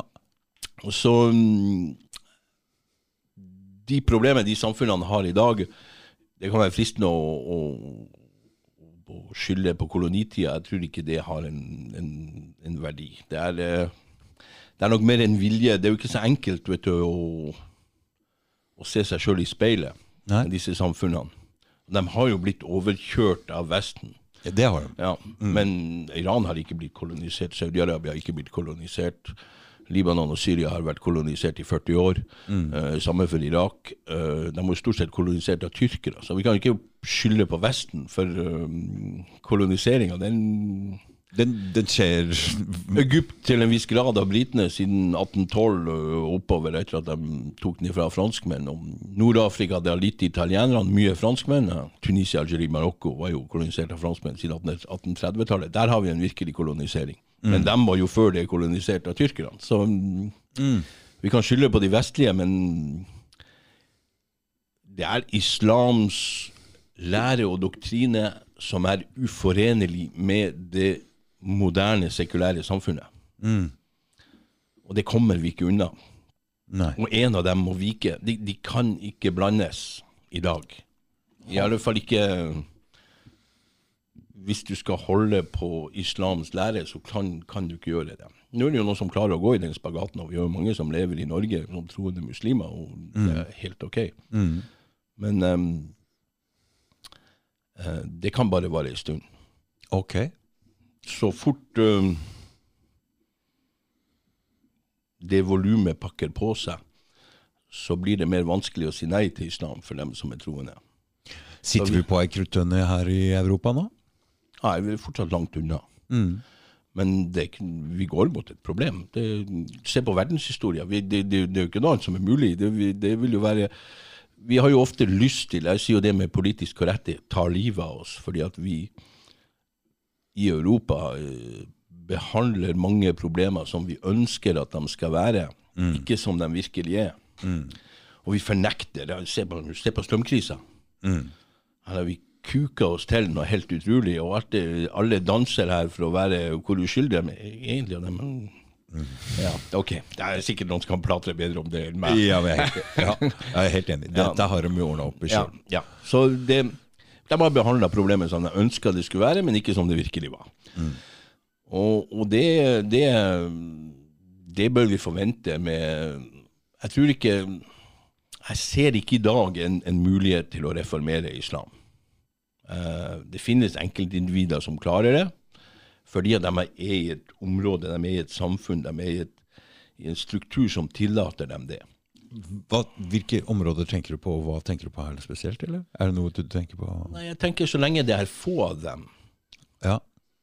Uh, de ikke er så mange, så kan du lage en liten moské, så kan du si at ja, nei, men vi er litt, uh, vi er litt ok, vi, vi trenger ikke å ta alt så varlig. Jeg tror det er en kvinnelig uh, imam i, i Danmark, f.eks., som driver med sånn fantastiske mennesker, helt sikkert, som prøver da liksom å utvikle det her.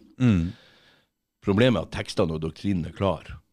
Og med en gang det volumet går over en viss prosentmengde, så krever da dogmatikken, eller krever da læren, at vi skal gå tilbake til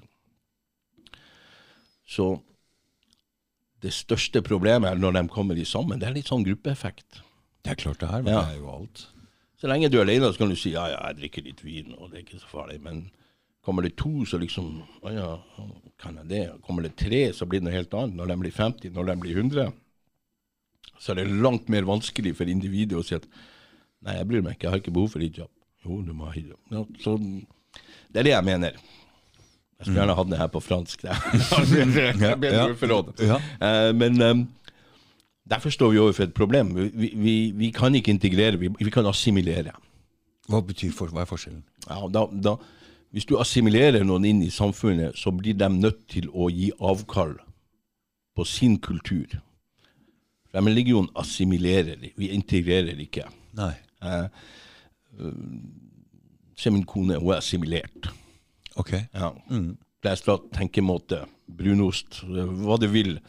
Du må eh, akseptere grunnverdiene Der hvor til, du kommer. Til det samfunnet hvor du kommer. Så kan vi ha en hel diskusjon om hva er grunnverdiene. Mm. Den går, pågår jo i Norge hele tida. Hva betyr det å være norsk? Ja, og så ja, ja. kommer det alltid med sånn brunost og sånn idiotegreier. Men, mm. Men, det vi burde se på, er jo at Norge er jo veldig veldig uh, vellykka samfunn. Et veldig velfungerende samfunn. Alles øyne har jo vært retta mot nord eh, og Ja. Skandinavia pga. Uh, Vi Ja. har jo vært ganske vellykka prosjekt her oppe. Eh, hva er det han heter? Francis Fukuyama, tror jeg han heter. En amerikansk-japansk forsker som, som har skrevet en del om det. Han sier 'How to get to Denmark'. Ja. Og det er jo klart at vår konformisme, uh, vår uh, evne til å Nordmenn tror jo at de er individualist, men når vi kommer tilbake til 30 år, så ser vi at det er jo ikke tilfellet. Nei, det, det er vi ikke. Fordi, jeg, og det har jeg litt tanker om. Og fordi her har det vært såpass vanskelig å overleve at hvis du ikke har vært en del av gruppa, så har det vært umulig. Absolutt, absolutt. Så vi, Ja. de som har vært for de, de, altså, vinter, Ja. klima Ja, ja, ja, det, det er fint. De er nødt til å være i en gruppe her for å kunne overleve. Akkurat. Ja, og, og det gjør jo at, at, at, at folk betaler skatt, at folk betaler sine, sin gjeld, at folk eh, har disse grunnprinsippene. At, mm. at du, har ikke, du har ikke lyst til Eller er det ikke sosialt akseptabelt å, å jukse på systemet eller å dra en fordel? Nå skal ikke jeg si at det er viktig, men det finnes en lang liste av ting som gjør at det norske samfunnet fungerte bedre enn andre samfunn. Jeg har hatt en diskusjon med noen eh, når det kom en del systemkritikere som sa at dette er veldig farlig, for det beste, viktigste vi har i Norge, det er tilliten til systemet, tilliten til politikerne. Ja. Den er vi i ferd med å hive ut av den vinduet. er vi i ferd med å hive ut av vinduet. Vi kan ikke ha Da må også politikerne være bevisste at da må de eh, lytte litt til befolkninga. For vi kan ikke ha tillit til folk som lyver hele tiden. Nei, men vi har jo, vi har jo villet at det skulle være sånn, vet du. Vi har jo, vi har, vi har, Har vi latt det gå for langt? ja, Det er bare mitt perspektiv jeg, som utlending. Eh, Ja. jeg, så syns jeg jo at vi har, vi har fremheva politikere som, som Det har helt sikkert vært en god idé. Vi liksom Alle skulle være med.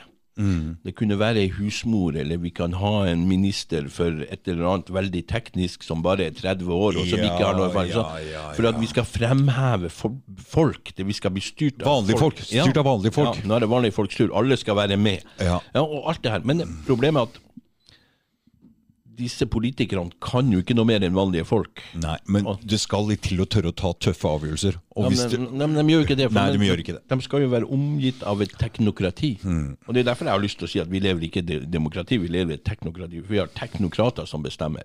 men du, som leder sjøl, så veit du at det å ta tøffe avgjørelser, det er en viktig del av det å være leder. Ja, Men det er jo det som er helt vilt med de politikerne vi velger inn i Ja, dag. ja. For de kan jo ikke ta tøffe avgjørelser, og Nei, de kan de ikke ta ansvar. Nei, det er helt riktig. Det De klarer ikke å ta ansvar. Så, så vi, vi går rett på veggen. Men det er bare min lille mening. Det, det, det, det, er, ikke, er, ikke, er ikke så viktig. Jeg, jeg påberoper ikke noe ekspertise, men det er slik jeg ser det. Mm. Og det, det kan ikke vare evig, fordi at vi kaster bare penger på problemene, og så later vi som de ikke er der. Vi behandler problemet som vi ønsker det skulle være, ikke som det Mm. virkelig er. Så der kommer vi til å gå på en smell, men eh, Men dette er det samme mentaliteten vi så når vi gikk på skolen. Det er Ja. å sy puter under armene og forstår seg i hjel folk. ja. At det trengs, en, det trengs noen som virkelig setter hånda i bordet her og sier nå, nå må vi ja men, stille krav. Vi må, dette, nå er det litt å, men vi har jo milliarder vi kan kaste på. Det som er problemet. Vi har milliarder, vi kan kaste bort milliarder, det gjør ingenting. Det er jo derfor det humper og går. Ja. Og det, det kommer til å fungere til den dagen det ikke fungerer lenger. ja. Mm. Så det Skal vi prøve å uh, Du som ser dette som et problem, du, du, du har jo skrevet noen artikler her og der, og nå kommer du med en bok, og du, så du vil prøve å hjelpe til å forandre på dette her. Du har noen ideer?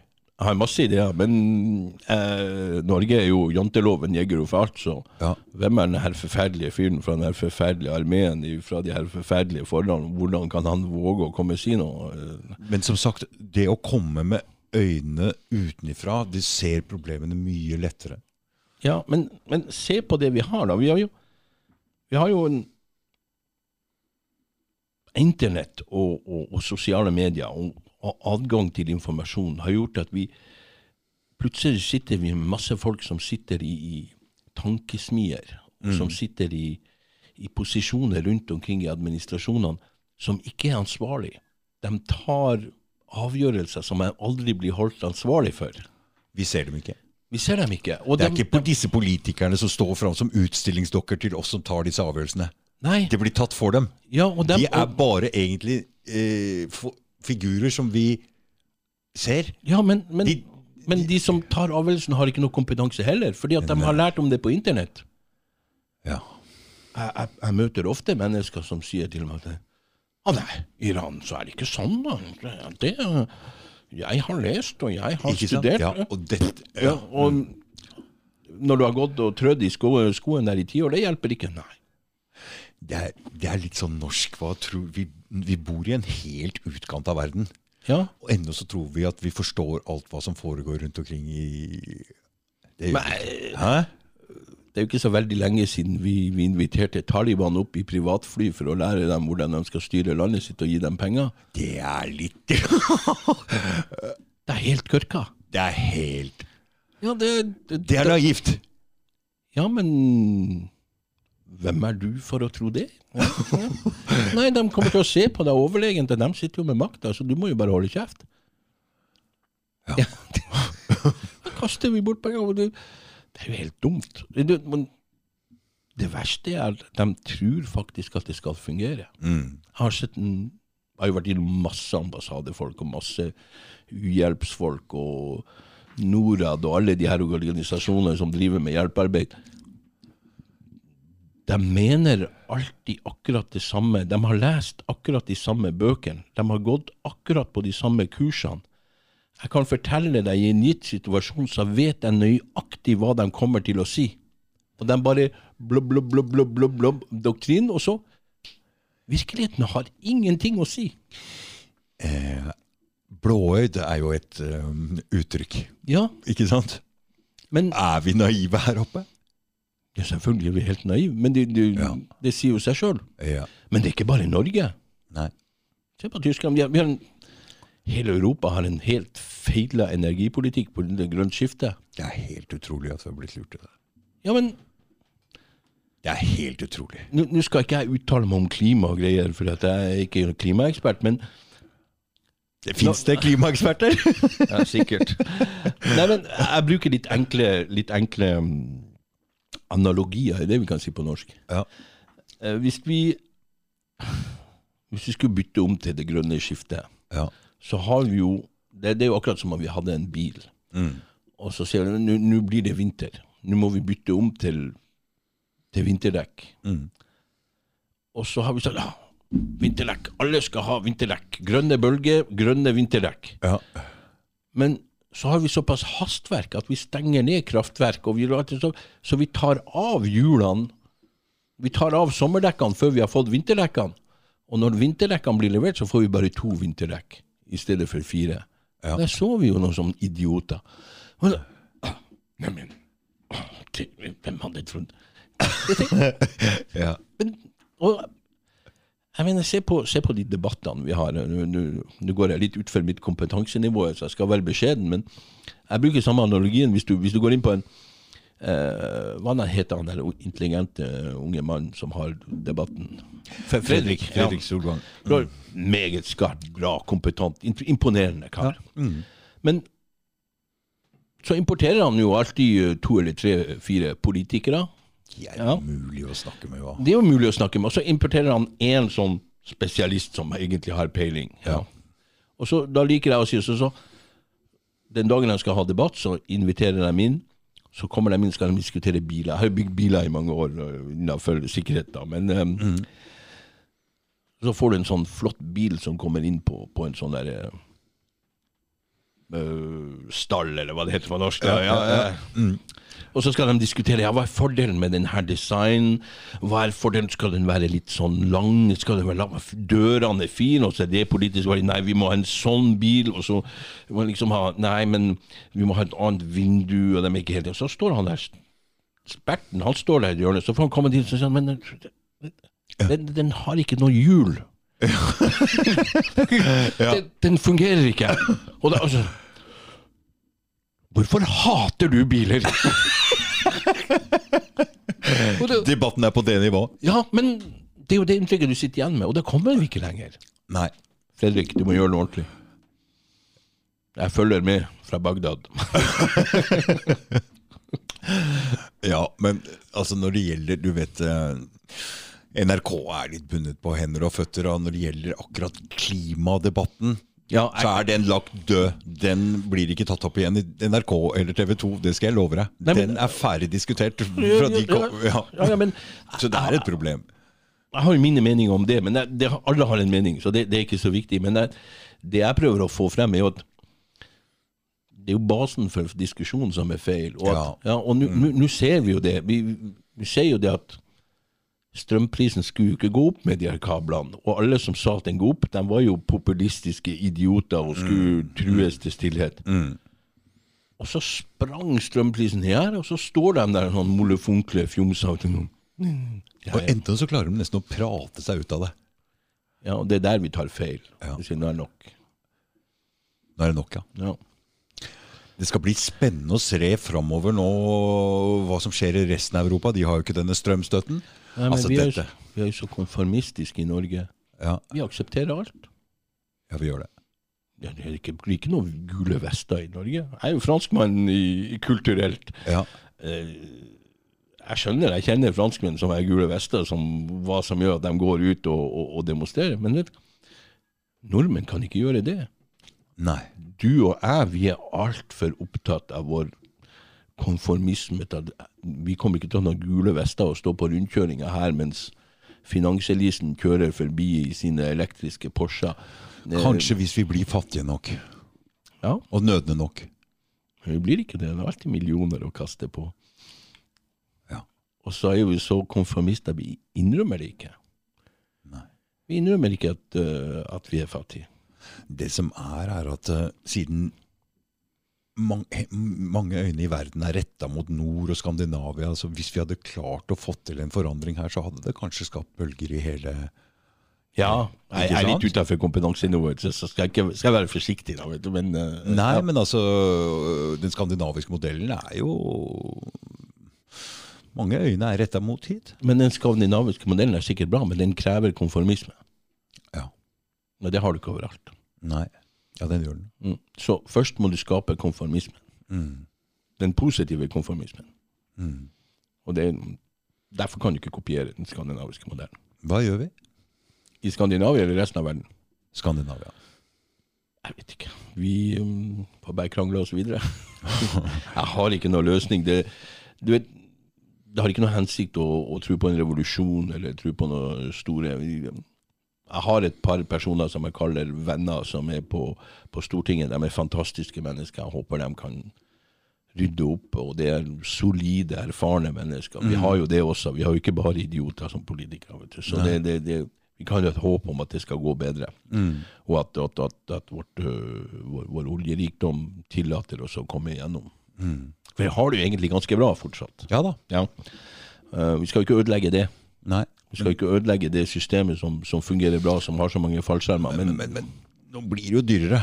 ja, Og lønningene blir- klarer ikke å følge opp det greiene her. Og det er jo for unge folk spesielt, øh, og enslige også, så blir det ganske De, de kniper jo litt grann overalt hele tida i skolesystemet. I, altså, så, så vi får jo litt dårligere. Ja, men det, det, det er jo det som for meg virkelig Det er jo ikke Det er jo ikke jeg som sliter med strømregninga. Nei, jeg gjør Det det jo ikke sjøl. det er jo den enslige mora.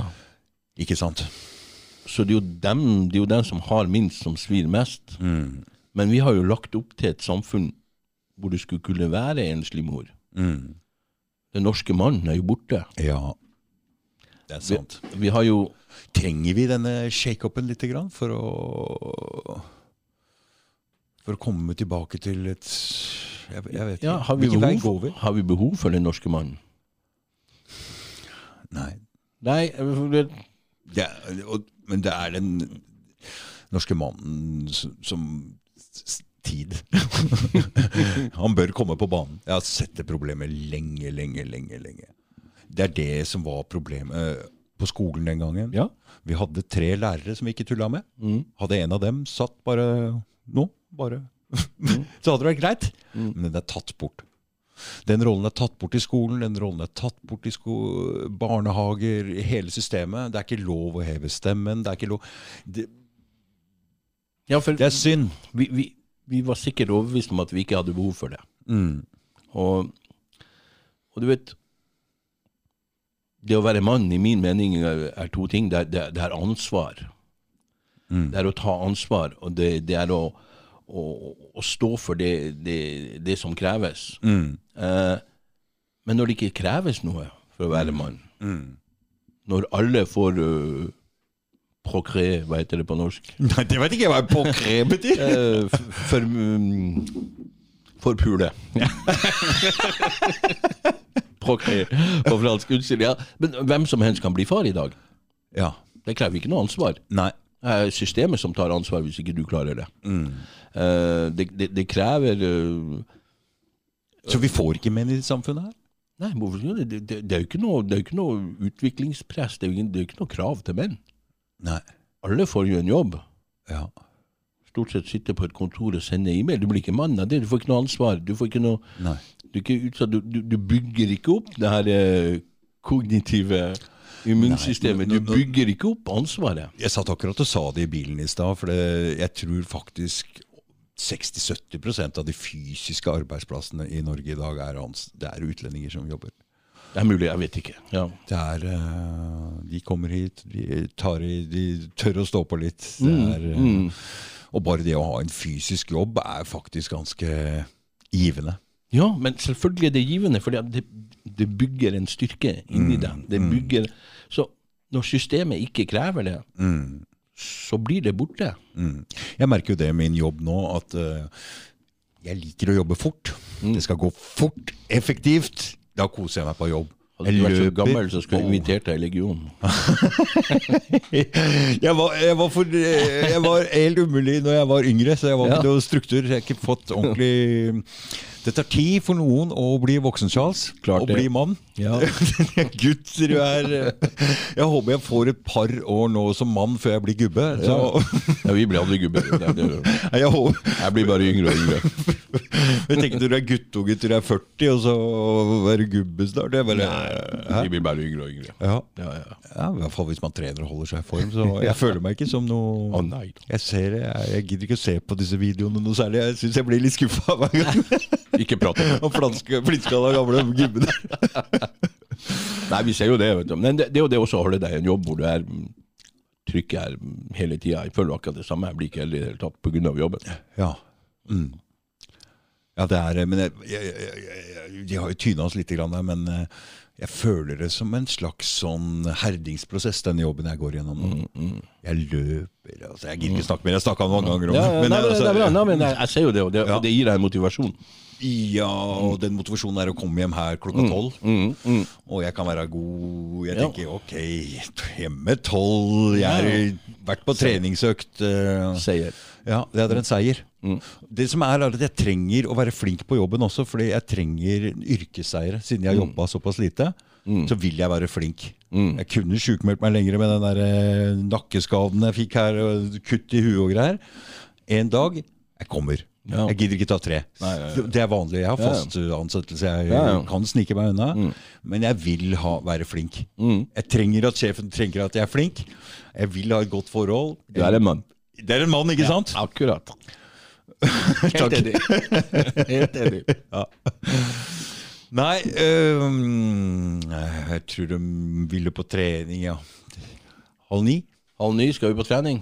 Ja, Ja, jeg skal opp på trening. all right. Tusen takk, Charles. Det var en øhm, interessant øh, Og så fikk vi gått litt om, innom hva du Ja, litt litt av hvert. da. Så, så får vi høre hvordan det går, og så hvis de kommer tilbake, så kommer jeg tilbake. Ja. Ja. Får høre hva folk har å si. ja. Tusen takk. Gledelig. Ha det.